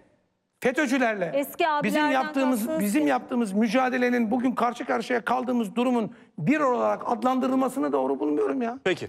Yanlış ben- buluyorum. ben Ara istiyorum. ve Mehmet 10 bin doları size- kim alıyor Şimdi AKP'den? Mehmet sonra- Evet. Sonra Bir ona Sayın da cevap abi, biz AK verirseniz. Parti'de 10 bin doları. AKP'den alan milletvekili Tekerden kim? ayda 10 bin dolar alan kim? Şunu tamamlamak istiyorum. Bir, peki Sayın Ağar'ın bir marinada görev alması doğru mu? Zinhar doğru değil. Bu kadar basit. Ben eğer Ben olsam- orada olmazsam Ben olsam mahvedecekti gibi bir 48 saat böyle bir şey açıklaması mümkün vardı. mü? Ben Oğlu da orada. Oğlu da yönetim kurulu üyesi. Ben cevabını verdim. 48 saat içerisinde ben olsam ayrılırım. Bir kardeşi olarak söylüyorum. Mehmet Ağar'a oradan ve ayrılma çağrısı İçişleri. Bakanlığı yapmış birisi olarak söylüyorum. 48 saat içerisinde. Oğlu da yönetim kurulu üyesi. Şöyledir. AKP bu tip milletvekili. adamlar, yani bu tip insanlar bir yerde bulunduğu zaman bunları e, bu meselelerin üzerinden yormak kolaydır. Tabii çok ince bir stratejik hamleler vardı burada. Ben istifa etmeyeceğim. İstifamı gerektirecek hiçbir şey yok derken tırnak içinde meczup diye suçladığı organize suç örgütü lideri olmakla suçlanan Sedat Peker'in başkalarını da suçladığını, mesela Binali Yıldırım ve oğlu, mesela eski İçişleri Bakanlarından Muammer Güler para sayma makineleri konusunda böyle bir vurgu yaptı. Çok ilginçti. Mehmet Ağar'ın mesela Marina'dan ben olsam dedi. 48 saat içinde ayrılırım dedi. Sonra çok ilginçti. MİT müsteşarı, şimdi MİT Başkanı Hakan Fidan var ya, zamanında Davutoğlu'yla konuşmuşlardı ve milletvekili olacaktı. Erdoğan kırgınım, böyle bir şeyi benimle konuşmadan yaptılar demişti. Süleyman Soylu, ben ve arkadaşlarım ona da karşı çıktık dedi. Çünkü devlet bürokrasiden gelen isimlerin, mesela MİT Başkanı gibi veya Genelkurmay, gerçi Hulusi Akar var bak o Hulusi Akar sorulabilirdi mesela böylesine devlet bürokrasisinden gelen isimlerin siyasete katılmasını sivil siyaseti savunan birisi olarak uygun bulmadığını söyledi. Yani o kadar akıllı hamleler yaptı ki Süleyman Soylu tabiri caizse böyle istediğini oradan almayı bildi. Ha bundan sonra ne olur bilemem. Bir başlık okuyalım. Sözcü televizyona çıkan eski emniyet müdürü Avcı böyle dedi. Peker'in anlattıkları %10'u bile değil. Sözcü TV YouTube'da biliyorsunuz. Ve Erdoğan Aktaş oranın yayın yönetmeni. Aktaş'ın sorularını yanıtlayan eski emniyet müdürü Hanif Avcı, Peker'in açıklamaları için olumlu görüyorum dedi ve ekledi. Kişiliğinden ayrı olarak anlattığı şeyleri önemsiyorum. Çünkü uzun yıllar yeraltı dünyasının bilinen bir elemanı. İş dünyasıyla, emniyetle, siyasetle bazı bağlantıları var. Şu anda konuştuğu değil, sonra konuşacaklarının daha geniş boyutta olacağına inanıyorum. Çok daha fazla bilgisi olduğu ortada dedi efendim. Peki Mehmet Ağar meselesine birazcık daha yakından bakalım.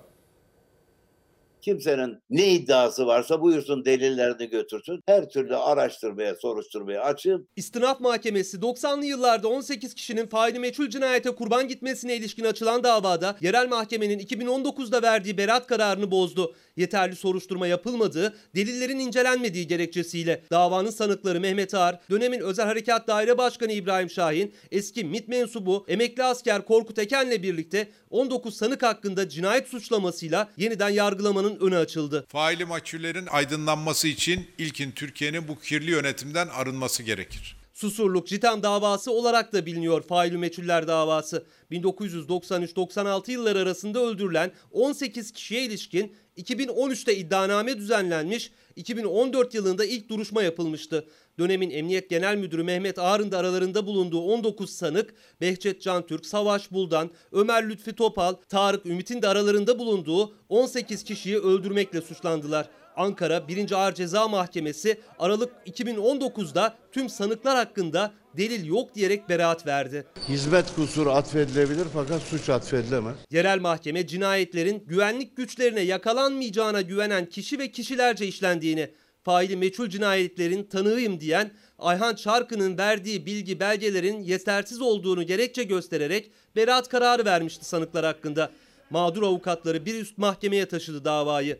İstinaf Mahkemesi 5 Nisan 2021'de beraat kararlarını bozdu. Yıllardır dokunulmazlığı olmayan bir insanım. Allah'tan korkarım, kanundan korkarım, devletten korkarım. İstinaf Mahkemesi yeterli soruşturmanın yapılmadığına hükmetti. Bazı sanıkların savunmalarının alınmadan hüküm kurulduğunu, Ayhan Çarkı'nın beyanları gibi çok sayıda delilin yeterince araştırılmadığını, cinayetlerde ele geçen kovan ve mermi çekirdekleriyle ilgili yeterince değerlendirme yapılmadığını bozma gerekçesine yazdı. Faili meçhul cinayetlerle ilgili 2011'de açılan ilk soruşturma, iddianamenin kabulü, dava süreçleri yani aradan geçen 10 yıl sonra davada başa dönüldü. Bu kadar kirlenmiş ve vesayet altındaki bir yargı Türkiye'deki faili meçhul cinayetleri aydınlatmaz. Suç örgütü lideri olmakla suçlanan Sedat Peker'in de uyuşturucu ticareti ve bazı cinayetlerle suçladığı isim Mehmet Ağar.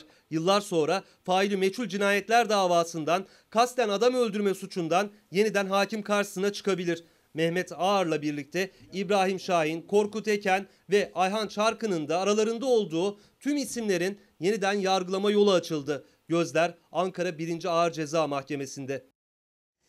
Tabii dün Sedat Peker'e koruma verildiği doğrulanmış oldu ama dedi şöyle bir kurgu var. Sahte bir takım tehditler var dedi. Bir mekanizma kurulduğunu anlattı. Metin Külünk olayıyla ilgili konuştu ama buradakileri tenzih ederim dedi. Bir takım gazeteciler ona ilişkin sorular da sormuş oldular. Marina konusunda değindim. Mehmet Ağar'ın Marina'dan ayrılması gerektiğini söyledi efendim. Şimdi Gökhan Otamışlıgil hocamıza bir takım sorular soracağım. Yönetmenim Savaş Yıldız'dan da yurt korona haberini hazırlamasını rica edeceğim. Ama şöyle bakın. Bir, Emrah Altındiş hocamızın yolundan giden genç bir bilim insanımız. Bir kere Çalar Saat'te Zoom üzerinden konuşmuştuk. Türkiye'de şu anda elimizde olan en koruyucu aşılardan Pfizer-BioNTech aşısına dair garip bir ön yargı oluşmuş. Bunu Twitter'da da gördüm. Bana özelden yazanlarda da. Dolayısıyla bu konuda birkaç önemli bilgi.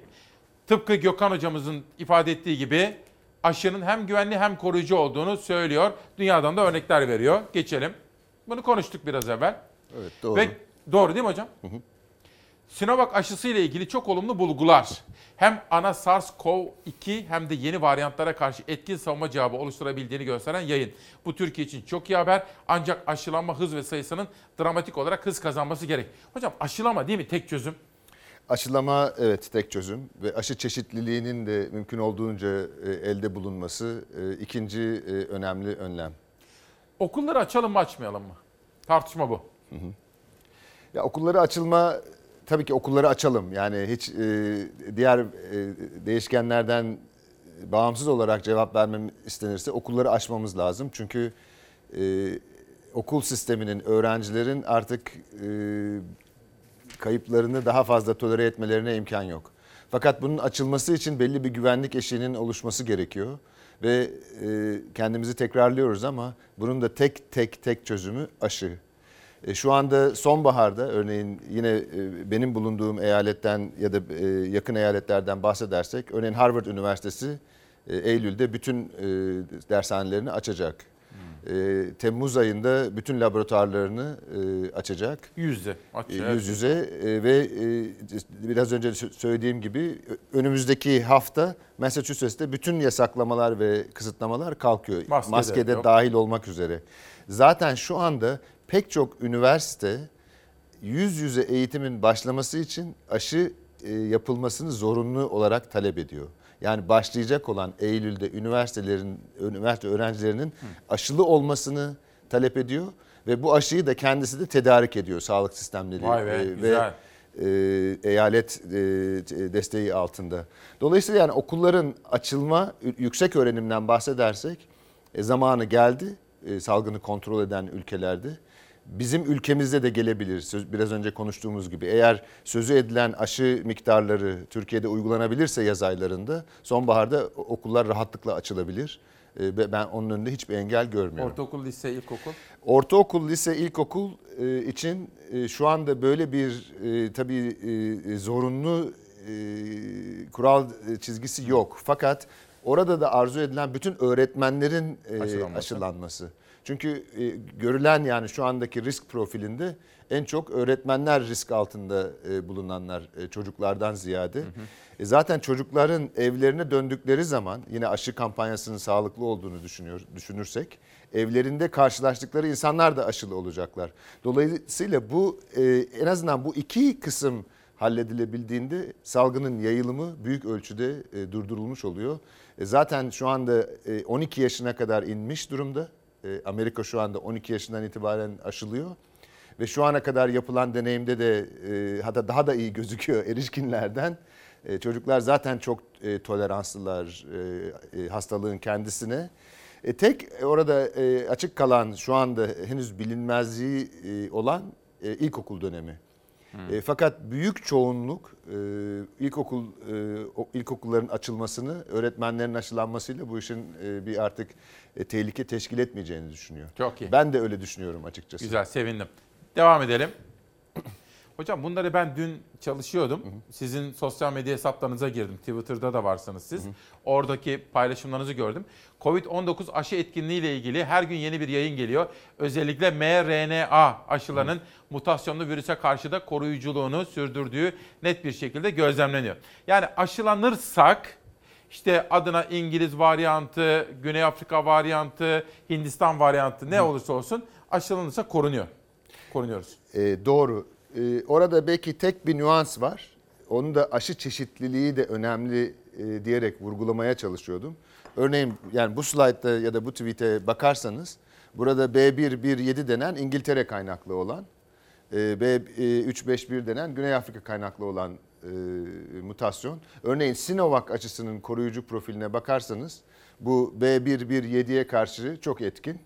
E, B1351'e karşı o kadar etkin değil.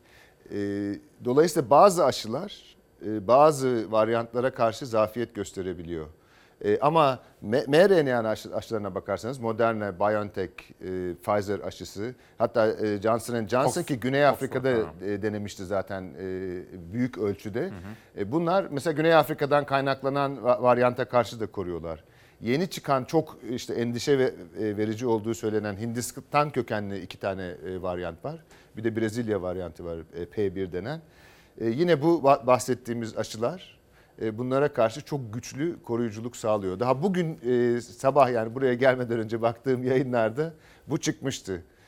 Hem Moderna hem BioNTech aşısı Hindistan'dan gelen varyanta karşı da e, %70, %80'e varan koruyuculuk Harika. sağlıyor. Bir şey soracağım hocam. Şimdi siz aşınız oldunuz ya. Mesela Hı. ben tek doz oldum. İkinci dozumu Haziran'da olacağım. O arayı uzattılar biraz çünkü Türkiye'de. İki doz aşım oldum. Gelecek yıl ne olacak? E, bu sorunun cevabını bilmiyoruz. Ama bildiğimiz kadarıyla yani ilk aşılardan bu tarafa 9 ayla bir sene arasında vakit geçti. Yani dene- deneme aşamasında sayarsak. E, bu süre içerisinde hala koruyuculuk devam ediyor. Yani bir sene e, en azından koruyuculuğun devam ettiğini biliyoruz. Gerisini bilemiyoruz çünkü o kadar zaman geçmedi. E, fakat tahminimiz e, Nedir? ki yani ben tabii yani immünoloji ve vaksinoloji konularının uzmanı değilim. Ama bu konunun uzmanı insanlarla konuştuğumuzda beklentiler daha da uzun olacağı yani e, immün cevabın daha uzun soluklu e, olabileceğine dair işaretler görüyorlar. Fakat bu zaman geçmeden e, bilmemiz Şu mümkün, mümkün olabilir şey. mi bilimsel olarak? Tahmin. Hani belki yanlışlanabilir veya doğrulanabilir ama bir kere aşı oldum iki doz. Ömür boyu bir daha buna ihtiyaç duymayabilir miyim? Ya böyle bir olasılık var. Ee, Daha önce buna e, ya gördüğümüz Böyle aşılar e, var böyle çünkü. aşılar var. E, Bu aşıda bence bunun olasılığı biraz daha düşük. Fakat değişim hızı çok yüksek olan bir virüs değil. E, Dolayısıyla bu kadar geniş spektrumdaki değişikliğe karşı koruma sağlayabilen aşılar koruyuculuk süresini uzatabilir. E, yani benim de e, daha e, olumlu düşünmemin sebebi yani ömür boyu olmasa bile yani 3 sene 5 sene gibi bir koruyuculuk hiç şaşırtıcı olmayabilir. Şimdi hangisiydi ya? Ya Alpay Azap hocam ya Kayan Pala hocam söylemişti. Ona da benzeri soruyu sormuştum da. Hangisi değilse de özür dilerim ondan. Ama hangisi ise de teşekkür ederim. Belki de dediler grip aşısı gibi. Bu sene olduk. Seneye bu değişiyor. Hani grip aşısını da böyle modifiye ediyorlar falan ya. Belki de böyle bir şeye gidebilir dünya diyor, demişlerdi. Olabilir mi? Olabilir. Ee, çünkü ne- yani bir tür değişiklik oluyor. Fakat şunu düşünmek lazım. Yani salgın bu kadar hızlı yayılırken, salgının hızlı yayılması ne demek? Virüs için her kendini kopyaladığı e, fırsat bir mutasyon fırsatı. E, Dolayısıyla milyarlarca insanda milyarlarca kere kendini kopyalarken pek çok mutasyon e, yaratma e, olasılığı eline geçiyor. Bu olasılık düştüğünde yani salgın kontrol altına alıp sayılar çok azaldığında zaten o mutasyon sayısı da çok azalacak. Bunların içerisinden yine de eğer bağışıklığı zayıflatacak türler çıkarsa ki bunu biz çok artık etkin bir şekilde takip edebiliyoruz teknolojinin geldiği nokta sebebiyle. Yani teknoloji de şeye çok uygun. Ee, özellikle e, mRNA e, köken, kökenli aşıları çok hızla yani haftalar içerisinde e, adapte edip e, ye- yeni virüslere karşı uygulamaya Uğur- geçirmek Uğur mümkün. Şahin de bunu söyledi. Evet. E, dolayısıyla bizim yani iler, gelecekteki varyantlardan, e, mutasyonlardan korkmamız için bir sebep yok. Yani şu andaki teknolojinin geldiği nokta gerçekten müthiş. E, bilimin uzun vadeli yatırımlarının müthiş bir sonucu. Çok iyi. E, gerekirse öyle bir uygulama da ona da çok rahatlıkla geçilebilir. Peki geçelim. Dünyanın tadı tuzu yok diyor Gökhan Otamışlıgil. Bunu da dün sosyal medyada gördüm. Bu arada annenizi de gördüm. Anneler gününde annenize sarılmışsınız. Anneniz İstanbul'da değil mi? İstanbul'da. Evet. Aşısını oldu mu o da? Oldu. Bizim ailede ilk an- önce e, annem aşı oldu. O Çin oldu tabii ki Evet, Türkiye'de evet, değil mi? Evet. Hı. İsmi neydi annenizin? Güner, Heh, Güner. Ona da buradan selamlarımızı söyleyelim. Evet, merhaba anneciğim. Bir yanda salgın, diğer yanda savaş, zulüm, zor ve yıpratıcı bir ortamda bayrama geldik. Ama umudumuzu, inancımızı, dayanışmamızı, şefkatimizi kaybetmeyelim. Güzellikler gelecek. Hepimize sağlıklı, huzurlu, sevgi dolu günler diliyorum. İyi bayramlar demiş. O halde ben yönetmenim Savaş'tan rica ediyorum. Yurdumuzdan koronayla mücadele günlüğü.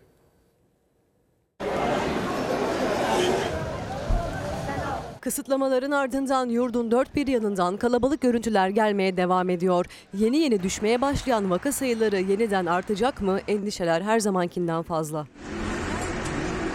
Haftaya güneşli havayla başlayan İstanbul'da her saat her yerde yoğunluk var. Taksim İstiklal Caddesi belki de salgının başından bu yana en kalabalık günü yaşadı. Özellikle iş çıkış saatinden sokağa çıkma yasağının başladığı akşam 9'a kadar insanlar caddeyi baştan sona doldurdu. Sosyal mesafeyi korumak söz konusu bile değildi. Polis defalarca uyarıda bulunmak zorunda kaldı. Sadece sokaklar insanlarla dolmadı. İstanbul'da karayolunda ve toplu taşımalarda da ciddi yoğunluk vardı. Uşak'ta da hafta sonu kısıtlamasının ardından caddeler, meydanlar kalabalıktı. Bank önlerinde, ATM'lerde, postanelerde uzun kuyruklar oluştu. Sosyal mesafe bir kez daha unutuldu. Aydın'da hava sıcaklığı arttı. Hafta sonunu evinde geçiren vatandaş kendini plajlara attı. Yerli ve yabancı turistleri ağırlayan Kuşadası plajları geçen seneye kıyasla daha boştu. Bu sürekliliğin devamı için insanların bu konuda biraz daha duyarlı olmalarını rica ediyorum. Özellikle vurguluyorum. Pandemiyle bir yanda iş yapamayan esnaf, bir yanda alım gücü düşen vatandaş. Herkes kendine bir yol ararken yürek ısıtan görüntüler Sakarya'dan geldi. Sakarya'da bir market sahibi ihtiyacı olanlar için stand kurdu. Destek olmak isteyen müşterilerin satın aldığı ürünlerle dolu standta meyveden sebzeye birçok gıda bulunuyor. Bu tür e, standların e, bir şekilde diğer e, arkadaşlarımıza da market sahiplerine de e, öncülük yapabilirsek ne mutlu bize. Şimdi hocamıza sormak gereken çok soru var. Ömer Araz ve pek çok izleyenim şunu soruyorlar. Sinovac yani Çin aşısını olduk diyor. Ama bunun üstüne de ayrıca BioNTech aşısı olmalı mıyım? Olabilir miyim? Mesela bazıları da tabii yurt dışına seyahate gidecekler. Aşı karnesi, aşı pasaportu uygulaması var ya Avrupa Birliği'nde. Çin aşısı henüz daha inceleme kapsamında bildiğim kadarıyla. Hocam şunu soruyorlar. İki doz Çin aşısı oldum. Üstüne BioNTech, Pfizer veya Moderna falan olabilir miyim? diyorlar. Ya bu soruya iki türlü cevap vermek lazım İsmail Bey. Birincisi bizim ülkemiz içerisinde e, aşı kısıtlılığı olduğu için yani şu ortamın içerisinde herhangi bir aşıyı olmuş insanın bir başka aşıyı tekrar olması doğru değil bence. Çünkü e, hiç olmamış insanların önce e, aşıya ulaşması lazım. Kısıtlılığın olduğu süreçte diyorum. Eğer hiçbir kısıtlılık olmasaydı yani elde her türlü aşı olsaydı e, iki doz aşının uygulanmasından bir müddet sonra belki 6 ila 9 ay sonra e, e, yapılabilir. Diğer e, Biontech aşısı da yapılabilir. Çünkü değişik profilde bazı koruyucu e, mekanizmaları devreye sokabiliyor. E, tabii ki e, işin biraz da pratik e, ticari, siyasi e, yönleri var. Yani insanların seyahat etmesi gerekiyor. Bugün Avrupa belli bir aşı pasaportu uygulaması getirirse ki bence çok e, mantıksız bir uygulama eğer uygulamaya Mantıksız mı? sokulursa ben doğru bulmuyorum. Çünkü ayrımcılığa e, yol açabilecek bir platform oluşturuyor. E, o zaman da e, e, ona göre bazı tedbirler alınabilir. Ama şu anda kısıtlılık döneminde birden fazla aşıyı e, denemenin ben doğru adil olmadığını düşünüyorum. Peki. Hocam şimdi biraz sizi tanımak istiyoruz. Şimdi ben tanıyorum da burada izleyenlerimi de tanıtmak istiyorum. Şimdi siz bir doktor babanın evladısınız. Annenizden de bahsettik biraz evvel. Savaş bir gelsene şeye. Hocamızın Twitter'ında görmüştüm. Müthiş bir doktor yazısı. Sonra Gediz'de ben Simavlıyım. Gediz bizim dibimiz. Hatta benim teyzem orada, Evet, Nilüfer evet. teyzem falan onlar orada yaşıyorlar. Azmi abimiz. Şimdi sonra birazcık anlatır mısınız hocam? İşte ODTÜ yılları sonra yurt dışına gidiyorsunuz. Fakat yurt dışına aslında hani eş durumundan gidiyorsunuz. Doğru. Selen Hanım sayesinde gidiyorsunuz. Birazcık bir anlatır mısınız hikayenizi? Ya hikayem e, ben Anadolu'da büyüdüm. E, Babam doktorluk yaptığı sırada hala bilmiyorum o reçetesi e, ekranda mı? Şimdi bulunacak biraz sonra göstereceğim onu Ee, şimdi. Ve babam çok hakikaten onlar Cumhuriyet'in ilk e, jenerasyonu gibi yani Atatürk'ü e, tanıyarak e, çocukluk yıllarında büyümüşler. Hem annem hem babam. E, dolayısıyla onlar e, hayatlarına iki tane e, önemli e, yapı taşı koymuşlar. Birincisi çocukları eğiteceksin. İkincisi memlekete faydalı olacaksın. E, babam da bunu işte e, hekimliğini yaparken e, gösterirdi. Benim yani en başta beni hakikaten çok bana ilham veren, doktorluğun böyle çok kutsal bir meslek olduğunu, herkes her şeyden çok farklı olduğunu yani babamın etrafında dolaşırken öğrendiğim ve de içime işlenmiş bir şeydi. İşte ondan sonra ben de zaten başka hiçbir şeyle ilgilenmedim. İşte oralar bitti. Ee, karşıma da çok şa- çok şanslı bir insandım. Hep karşıma Gediz'de okudunuz ilkokulu. İ- Gediz'de bitirdim. Bitirdiniz Ee, daha önce Turgutlu'da iki sene okumuştum. Bir sene de Vakfıkebir'de okumuştum. Yani üç yerde e, İşte böyle bitirdim. memur çocukları genelde öyle oluyor ya da asker çocukları. E, Sonra orada da bir yine ilkokul hocamızın da çok teşvikiyle Anadolu Lisesi'ne gittim. Ankara Anadolu Lisesi'ne. E, Ankara Anadolu Lisesi'nden Ankara Tıp Fakültesi'ne. E, tıp fakültesi bitirdikten sonra da bir, bir mecbur hizmet e, sürecinden sonra çocuk ihtisasına başlamıştım. Yani o çocuk ihtisası, eşim de biyokimya ihtisası yapıyordu. Biz ik- ikimiz de son senemizdeydik ihtisasın. Ankara Tıp son. Ee, tam o dönemde işte sizin söylediğiniz oldu. Eşime bir e, yu- yurt dışında bir burs imkanı çıktı. Bir- o bir- senelik bir e, eğitim süreciydi. Niyetimiz de o bir seneyi ihtisasımızın son senesi olarak tamamlayıp işte gelip e, Türkiye'de e, klinik olarak hayatımıza devam etmekti. E, fakat o sene bizi çok etkiledi. E, ikimiz de yani çok değişik şeylere maruz kaldık. Bilim biraz tabii bilimden uzak kalmıştık o zamana kadar. E, Şimdi anladığımız anlamda. E, onunla biraz iç içe olmak çok heyecanlı şeyler oluyordu o dönemde de. Genetikte örneğin ilk e, insan genleri haritalanıyordu. Tam o grupların içine düşmüştük. E, Dolayısıyla çok heyecanlandık. Yine işte şansımız yaver gitti. Çok e, pozitif mentorlar çıktı karşımıza. İşte onların da teşvikiyle e, biraz daha bilime devam edelim, biraz daha bilime devam edelim derken işte e, 35-40 sene geçti. Şimdi Harvard'tasınız. Evet. Ne çalışıyorsunuz hocam? E, Bizim çalıştığımız konu e, işte yani korona gelmeden önce e, 20, 30, 40, 50 senedir dünyada var olan başka bir pandemi var. E, Korona Obezite. gittikten sonra devam edecek. O da obezite ve metabolik hastalıklar kümesi. Bizim de yaptığımız bunun temel mekanizmalarını anlamak. Oradan yola çıkarak da belki bazı çözüm araçları ortaya çıkartmak, geliştirmek. Size 1 milyon dolarlık soru soracağım hocam. Neden obez oluyoruz? Neden obez oluyoruz? Yani e, e, eğer bir fo- formül olarak verirsek enerji giriş çıkışı arasındaki dengesizlikten tabii obez Evet. oluyoruz. Yani vücudun belli bir kapasitesi var. Enerjiyi e, kullanmak, depolamak e, ve e, dışarı atmak. Bu e, yani termodinamiğin kurallarına göre bakarsak bu e, e, giriş ve çıkış birbiriyle orantılıysa o zaman sabit kalıyor e, denge. Ama tabii her şey bu kadar net çalışmıyor e, vücudun içerisinde. Çünkü bazen bazı reaksiyonların enerji maliyetini de kontrol edebiliyor e, vücut. Ee, ve sadece giriş çıkışla e, değil gıdaların türüyle, gıdaları öğüten mekanizmalardaki bozukluklarla e, ortaya çıkabiliyor. Ama hikaye olarak neden obez oluyoruz Evet. dersen, hikaye olarak bizim çünkü biyolojik e, materyalimizin geliştiği süreçle şu anda yaşadığımız sürecin koşulları birbirinden çok farklı. Yani biyolojimizle yaşamımız arasındaki uyumsuzluktan şişman Yani oluyoruz. insan doğasına uygun yaşamıyoruz, Yaşamıyoruz, aslında değil mi? tabii, evet. Peki. Şimdi şuna bir bakalım. Rahmetli babamın 1971 senesinde kendi reçetesi üzerine yazdığı bir rapor internet müzayedesine düşmüş ama sonra da ortadan kalkmış. Gören duyan var ise bilmek isterim. Orayı görelim. Evet bakın Evet. rapor. Fakat hiç doktor yazısı gibi de değilmiş ya. Doktor Mehmet Pekiner hükümet tabibi diyor. Üstünde de Bu babamın şeyi en üstte e, reçetesi. Hulki Otamış'taki. Hulki Otamış'taki. Evet. Evet. Ya bunu da tesadüfen internette gördüm. Hatta çok heyecanlandım. Alırım yani belki müzayededen diye ama e, kaybolmuş, e, gitmiş. Hakikaten bu da ba- babayı tarif eden bir şey. Yani böyle bir doktor yazısı olmaz ama babam yani mürekkebine batırarak kesik uçlu e, dolma kalemiyle böyle her reçetesini de Özenerek yazar. özenerek yazardı. Kağıtlarını ona göre seçerdi. Yani e, çok e, değişik boyutta yetenek sahibi bir insandı. hayal gücünüzü zorlayan aslında babanız olmuş. Doğru. Bir de o şey de yani onun babam çok meraklı bir insandı. Yani mesela işte Gediz'de veya Vakfıkebir'deki muayenehanesinde ki çok o zaman yani her tarafta hastaneler, doktorlar falan yoktu. Ama oralarda testler yapardı kendi yapabildiği kadar. İşte idrar testi, kan testi, hatta bazı daha ileri testler. E, tüberküloz e, basilini tarardı. Peki. Hatta röntgen makinesi bile vardı. Evet. Şimdi efendim bugün bir de çok önemli bir bilim ödülü sahibini bulacak. Koç az, az daha söylüyordum. Koç Üniversitesi'nden bir bilim insanı kazandı diyelim o kadar. İsmini akşam anons edecekler. Ben size yarın aktaracağım. Neyle ilgili, hangi bilimsel çalışmasıyla ilgili ödül aldığını da sizlere sunacağım. Ama şimdi dünyada koronayla mücadele kapsamında aşılama bağlamında neler yaşanıyor? Kısacık bir dosyamız var. İzleyelim. Sonra hocamızla sohbete devam edeceğiz.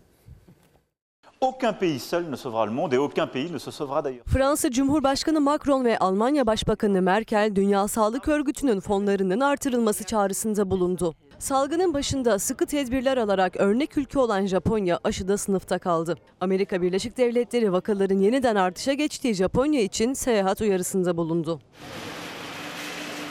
Koronavirüse karşı tek silah olan aşılarda anlaşmalar artıyor. 328 milyonluk Amerika Birleşik Devletleri'nde 286 milyon insan aşıda ilk dozu oldu. Aşılamayı bir ayda hızlandıran Almanya'da nüfusun yarısı ilk aşısını oldu. Dünya genelinde aşıda ilk doz tam 1 milyar 670 milyon insana yapıldı. Japonya salgının başında koronavirüsün yayılmasını çok yavaşlattı. Sıkı tedbirler, kısıtlamalar sağlık sistemini etkilemedi. İlk kez Şubat ayında BioNTech'le aşılama sürecini başlatan ülkede aşı krizi yaşandı. Başka ülkelerin aşılarının bir türlü onay sürecini tamamlayamayan Japonya aşısız kaldı. Japonya'da geçen haftadan beri vakalar yeniden hızlanınca sumo güreşi stadyumları aşı merkezlerine dönüştürüldü. Moderna, AstraZeneca aşıları da BioNTech'le beraber uygulanmaya başladı. Aşılamada sınıfta kalan Japonya için Amerika Birleşik Devletleri uyarı yayınladı. Amerikan vatandaşlarına Japonya'ya seyahat etmeyin denildi. Dünya Sağlık Örgütü küresel aşı erişim programı COVAX'ı kurdu ancak yoksul ülkelere gönderilen aşılar yetersiz kaldı. Salgını araştırma, önüne geçme, ülkeleri bilgilendirme, yoksul ülkelere yardım etme, alanının birçok noktasında başarılı olamayan Dünya Sağlık Örgütü, Trump döneminde Birleşik Devletler'le de anlaşmazlık yaşayınca fonları kesildi. Fransa Cumhurbaşkanı Macron ve Almanya Başbakanı Merkel, Dünya Sağlık Örgütü'nün fonlarının artırılması çağrısında bulundu. Hem var olan pandemiyi yenmek hem de gelecekte olası salgınları önlemek için fon artırımının önemine vurgu yapıldı. Dünya Sağlık Örgütü'nün şeffaf ve güvenilir olması için güçlenmesine dikkat çektiler. Hindistan'da ise hiç ilerleme yok. Bir günde virüs yüzünden hayatını kaybedenlerin sayısı yine 4000 seviyelerinde. Hindistan'da hükümet ülkeyi sarsan mutasyon için Hindistan varyantı ifadesinin sosyal medyada kullanılmasını yasakladı. Can kayıplarından sorumlu tutulan hükümet şimdi de ifade özgürlüğünü engellemekle eleştiriliyor. Ve evet Gökhan Otamışlıgil hocamızla sohbetimize ilişkin mesajlarınız geliyor. Sabahat Hanım'a teşekkür ediyorum. Nilgün Hanım'a teşekkür ediyorum. Sağ olun, var olun efendim. Bu arada şimdi bu akşamki ödül töreninden de bahsedeceğim. Sabri Ülker Vakfı'ndan bir paylaşım. Hocamızın Twitter'ında gördüm. Harvard Üniversitesi Sabri Ülker Metabolik Araştırmalar Merkezi'nin yayınladığı çalışmaya göre obezitede karaciğer hücreleri arasında anormal olarak yayılan stres sinyallerinin durdurulması organ işlevini koruyor ve hastalıkları engelliyor. Hocam bir şey soracağım. Stres obeziteye bir etki, tepki var mı orada? Bir şey, bir bağlantı? Yok var tabii fakat burada sözünü ettiğimiz hücrenin içerisindeki e, stres. Yani genel olarak vücudun yaşadığı e, stres değil, hücrelerin bir e, ağır yükle veya metabolik bir e, yükle karşılaştığında e, sergiledikleri bir stres. Bu çalışmanın da yani çok ilginç olan bir tarafı uzun uzun konuşmamıza gerek yok. Normalde genelde kabul edilen bir, bir o, diyelim ki karaciğer çok önemli. Bir şey bir gıda alıyorsunuz bol miktarda. İlk ulaştığı yerlerden biri yani bağırsaklardan geçtikten sonra karaciğer. Ee, karaciğer e, diğer toksinlerin, ilaçların çoğunun yani ilk uğradıkları yerlerden biri karaciğerdir. Yani karaciğer bir böyle bir e, etkinle karşılaştığında her tarafından aynı tepki çıkıyormuş gibi bir varsayım vardır şeyde. E, genel e, hem tıpta hem bilim camiasında. Burada bizim gösterdiğimiz aslında çok ilginç. E, sanki karaciğer içerisinde bazı öncü birlikler var. İlk e, atağı onlar görüyorlar. Dikkat anladım. tehlikeli bir malzeme yaklaştı diye.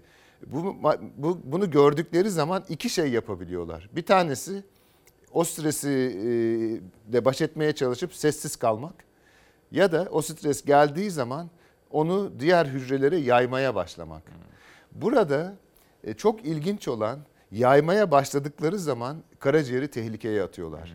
Yani gereksiz bir ya da doğru olmayan bir bilgiyi yayarak karaciğerin içine Anladım. e, o hücreleri zafiyet haline Peki e, getiriyorlar. bu bilimsel ve teknik açıklamadan halk tabiriyle sıradan insanların anlayacağı şekilde şöyle sorsam. Gerçekten de gündelik hayattaki aşırı stres yüklemesinin obeziteyle bir ilgisi var mı? Var. Ee, var çünkü e, o strese vücudun birçok e, kısmında cevaplar veriliyor. Örneğin beyinde verilen cevap e, daha fazla e, gıda tüketmenizi tetikleyebiliyor. Veya adrenal e, bezlerinizde e, verilen cevap vücudunuza e, metabolizmayı bozacak olan e, stres hormonlarının e, gelmesine sebebiyet verebiliyor. Yani tabii ki e, hem hücre düzeyinde hem organ düzeyinde hem de yaşam düzeyindeki e, stresin e, Enteresan. genelde metabolizmayı bozucu etkileri Peki. var. Şimdi hocam şu da aklıma geldi. Şimdi burada siz Harvard Üniversitesi'ndesiniz. Sabri Ülker Merkezi diyoruz. Bu bunu anlatır mısınız? Nedir bu? Ya Sabri Ülker Merkezi e, işte 7 sene önce e, e, Harvard Üniversitesi'nde kuruldu. E, O da bizim yapmak istediğimiz çalışmaları, hayallerimizi bir gün sevgili Murat Ülker'le konuşurken o bana bir soru sormuştu. Ya e, bu böyle bir iş modelinde çalışılmaz Gökhan dedi yani. Siz siz 10 senelik, 20 senelik hayaller kuruyorsunuz. Bir senelik, iki senelik bir, bir bütçeyle çalışıyorsunuz. Nasıl olması lazım senin idealinde dedi. Ben de ona bir şey anlatmıştım. E, o da e, ondan sonra e, bir- çok heyecan duydu. Merkezi ziyaret etti ve bu merkezi kuralım dedi. Dolayısıyla Ülker ailesinin gerçekten ya, olağanüstü bir e, cömertliği ve Çok iyi. vizyonu Bravo. sayesinde e, bu merkez kuruldu. E, ve şu anda 10. senesine doğru ilerliyor. Yani bu merkezin 3 tane misyonu var. Bir tanesi e, önde giden yani normal yollarla yapılamayacak uzun vadeli çalışmalara e, zaman ve emek ayırabilmek. E, ikincisi e, yeni jenerasyon bu konularla ilgili olacak e, bilim insanlarını yetiştirmek. Olanları da teşvik edip ileriye yönelmelerini sağlamak. Üçüncüsü de hem Türkiye'deki hem dünyadaki Türk bilim insanlarının arasında e, önemli bir güçlü ağ oluşturmak. Bu zaten en uzun vadeli vizyonumuz bu. E, yaptığımız sempozyumun, seçtiğimiz Yükselen Yıldızlar adı altında her sempozyumumuzda örneğin biz bir Nobel e, ödüllü insandan önce e, dört tane genç yıldız olacağını düşündüğümüz Türk bilim insanını sunuyoruz. Ondan sonra. Nobel'e geçiyoruz. Hocam bir şey soracağım. Şimdi tabii pandemi çok yaklaşamıyorum. Işık da oraya vuruyor, parlıyor ama e, Atatürk rozeti değil mi o? Evet Atatürk rozeti Ne doğru. güzel, çok şıkmış. Ha şimdi gözüktü. Atatürk nesilleriyiz değil mi? Doğru ya bilimle uğraşınca tabii e, yani Atatürk'ün söylediğini hatırlıyoruz hep e, hayatta en hakiki mürşit ilimdir e, demiş. Ben de ona yürekten inanıyorum. Yani memlekete hizmet etmek isteyen varsa yapabileceği en önemli şeylerden biri bilimle uğraşmak. İster burada olsun ister evrenin herhangi bir köşesinde. Hocam bütün kalbimle diliyorum ki tıpkı Aziz Sancar hocamız gibi siz de Nobel'i alın ve gelin böyle atamıza gidip değil mi? Böyle inşallah bütün kalbimle diliyorum. Sağ Devam olun. edelim. Stres, kıl. Bunu bir geçelim. Bu çok teknik. Bunu geçelim. Şimdi heh. Kadınlar Günü kutluyorum. Cumhuriyet'in en müthiş vizyonlarından biri kadın hakları ve eşitliğin en ön plana konmuş olması ve bu doğrultuda dünyada öncü olarak bir hareketin başlamasıdır. Hocam bunu da dün sizin tweetlerinizi geriye doğru giderken gördüm. Ya 8 Mart'taydı ya da 8 Evet, Mart olabilir evet. ya da benzeri özel anlamlı günlerden biriydi. Bu akşam bir ödül töreni var. Sempozyum var. Onları da kısacık bir anlatır mısın? Çünkü bir kadın kazanacak bildiğim Evet. kadarıyla. Ya işte sempozyum her iki senede bir yapılıyor. Bir İstanbul, bir Boston dönüşümlü olarak yani sözünü ettiğimiz köprü nedeniyle. Bu şu anda dünyada e, belki de en üst düzeyde yapılan me- metabolizma ve hayat e, adı altında sempozyum. Her seferinde dediğim gibi dört tane Türk genç Türk dünyanın her yerinden araştırmacı alıyoruz. E, ondan sonra da 20 kadar dünyanın en ileri gelen e, bilim insanlarıyla bir araya getiriyoruz. Bunun e, gündemi içerisinde bir de genç Türk bilim insanına e, Sabri Ülker Bilim Ödülü veriliyor. Bu vakıf tarafından verilen bir ödül. E, bu sempozyum sırasında takdim ediliyor. E, burada da e, önemli bir temel bilim konusuna e, yönelmiş.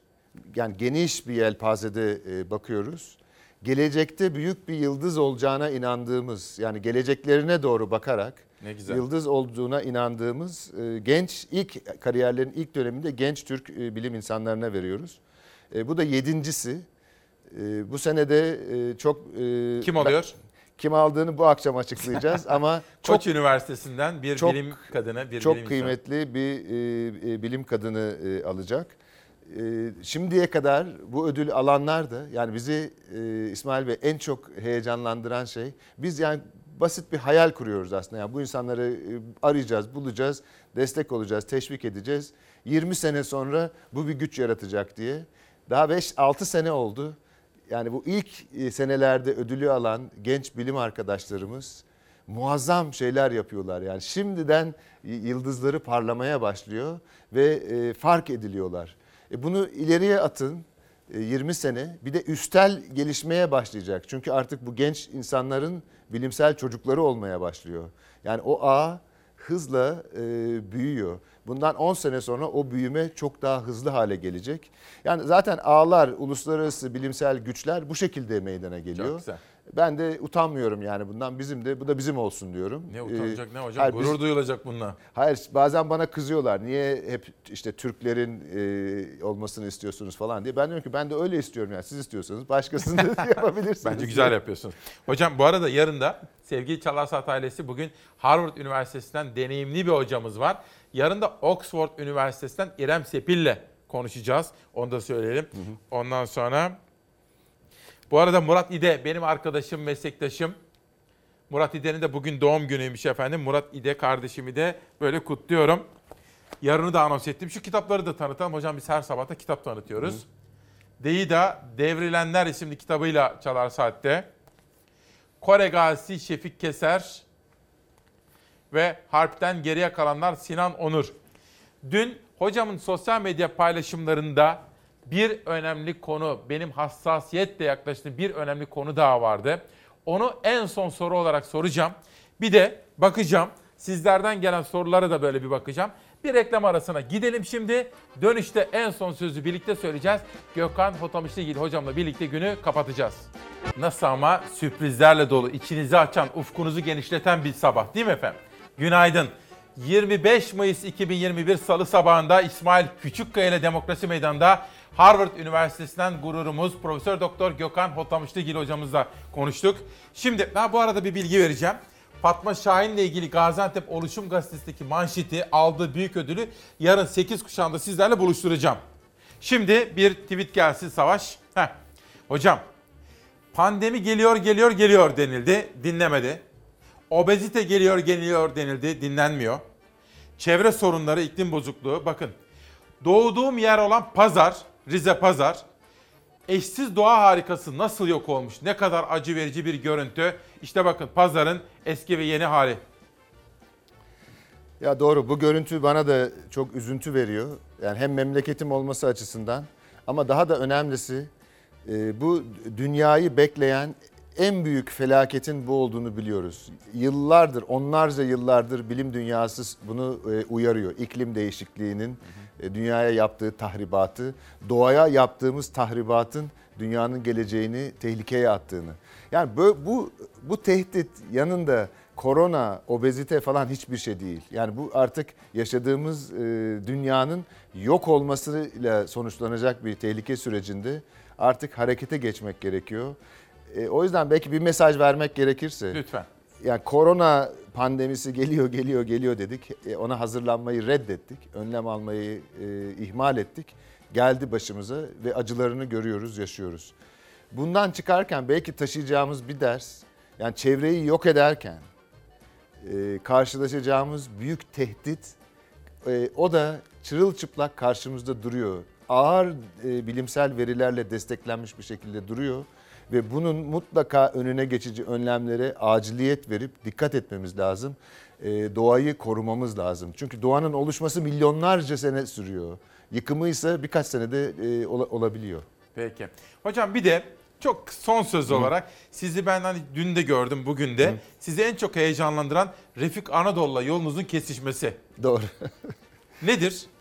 Ya Refik Anadolu'la yolumuzun kesişmesi yine e, e, ya Sabri Ülker Merkezi'nin kurulması sayesinde yapabildiğimiz bir büyük bir görüntüleme projesi var e, bizim. Evet. E, orada da hücrenin içerisindeki mimari düzenin çok büyük ayrıntıyla e, ortaya çıkarılması ve bu e, sağlıklı veya hastalıklı bir e, hücre için ne demek bunu anlamaya çalışırken e, elimize çok muazzam bir e, veri Hocam, seti geçti. bilim ve sanatın kesişmesi, buluşması aslında bu.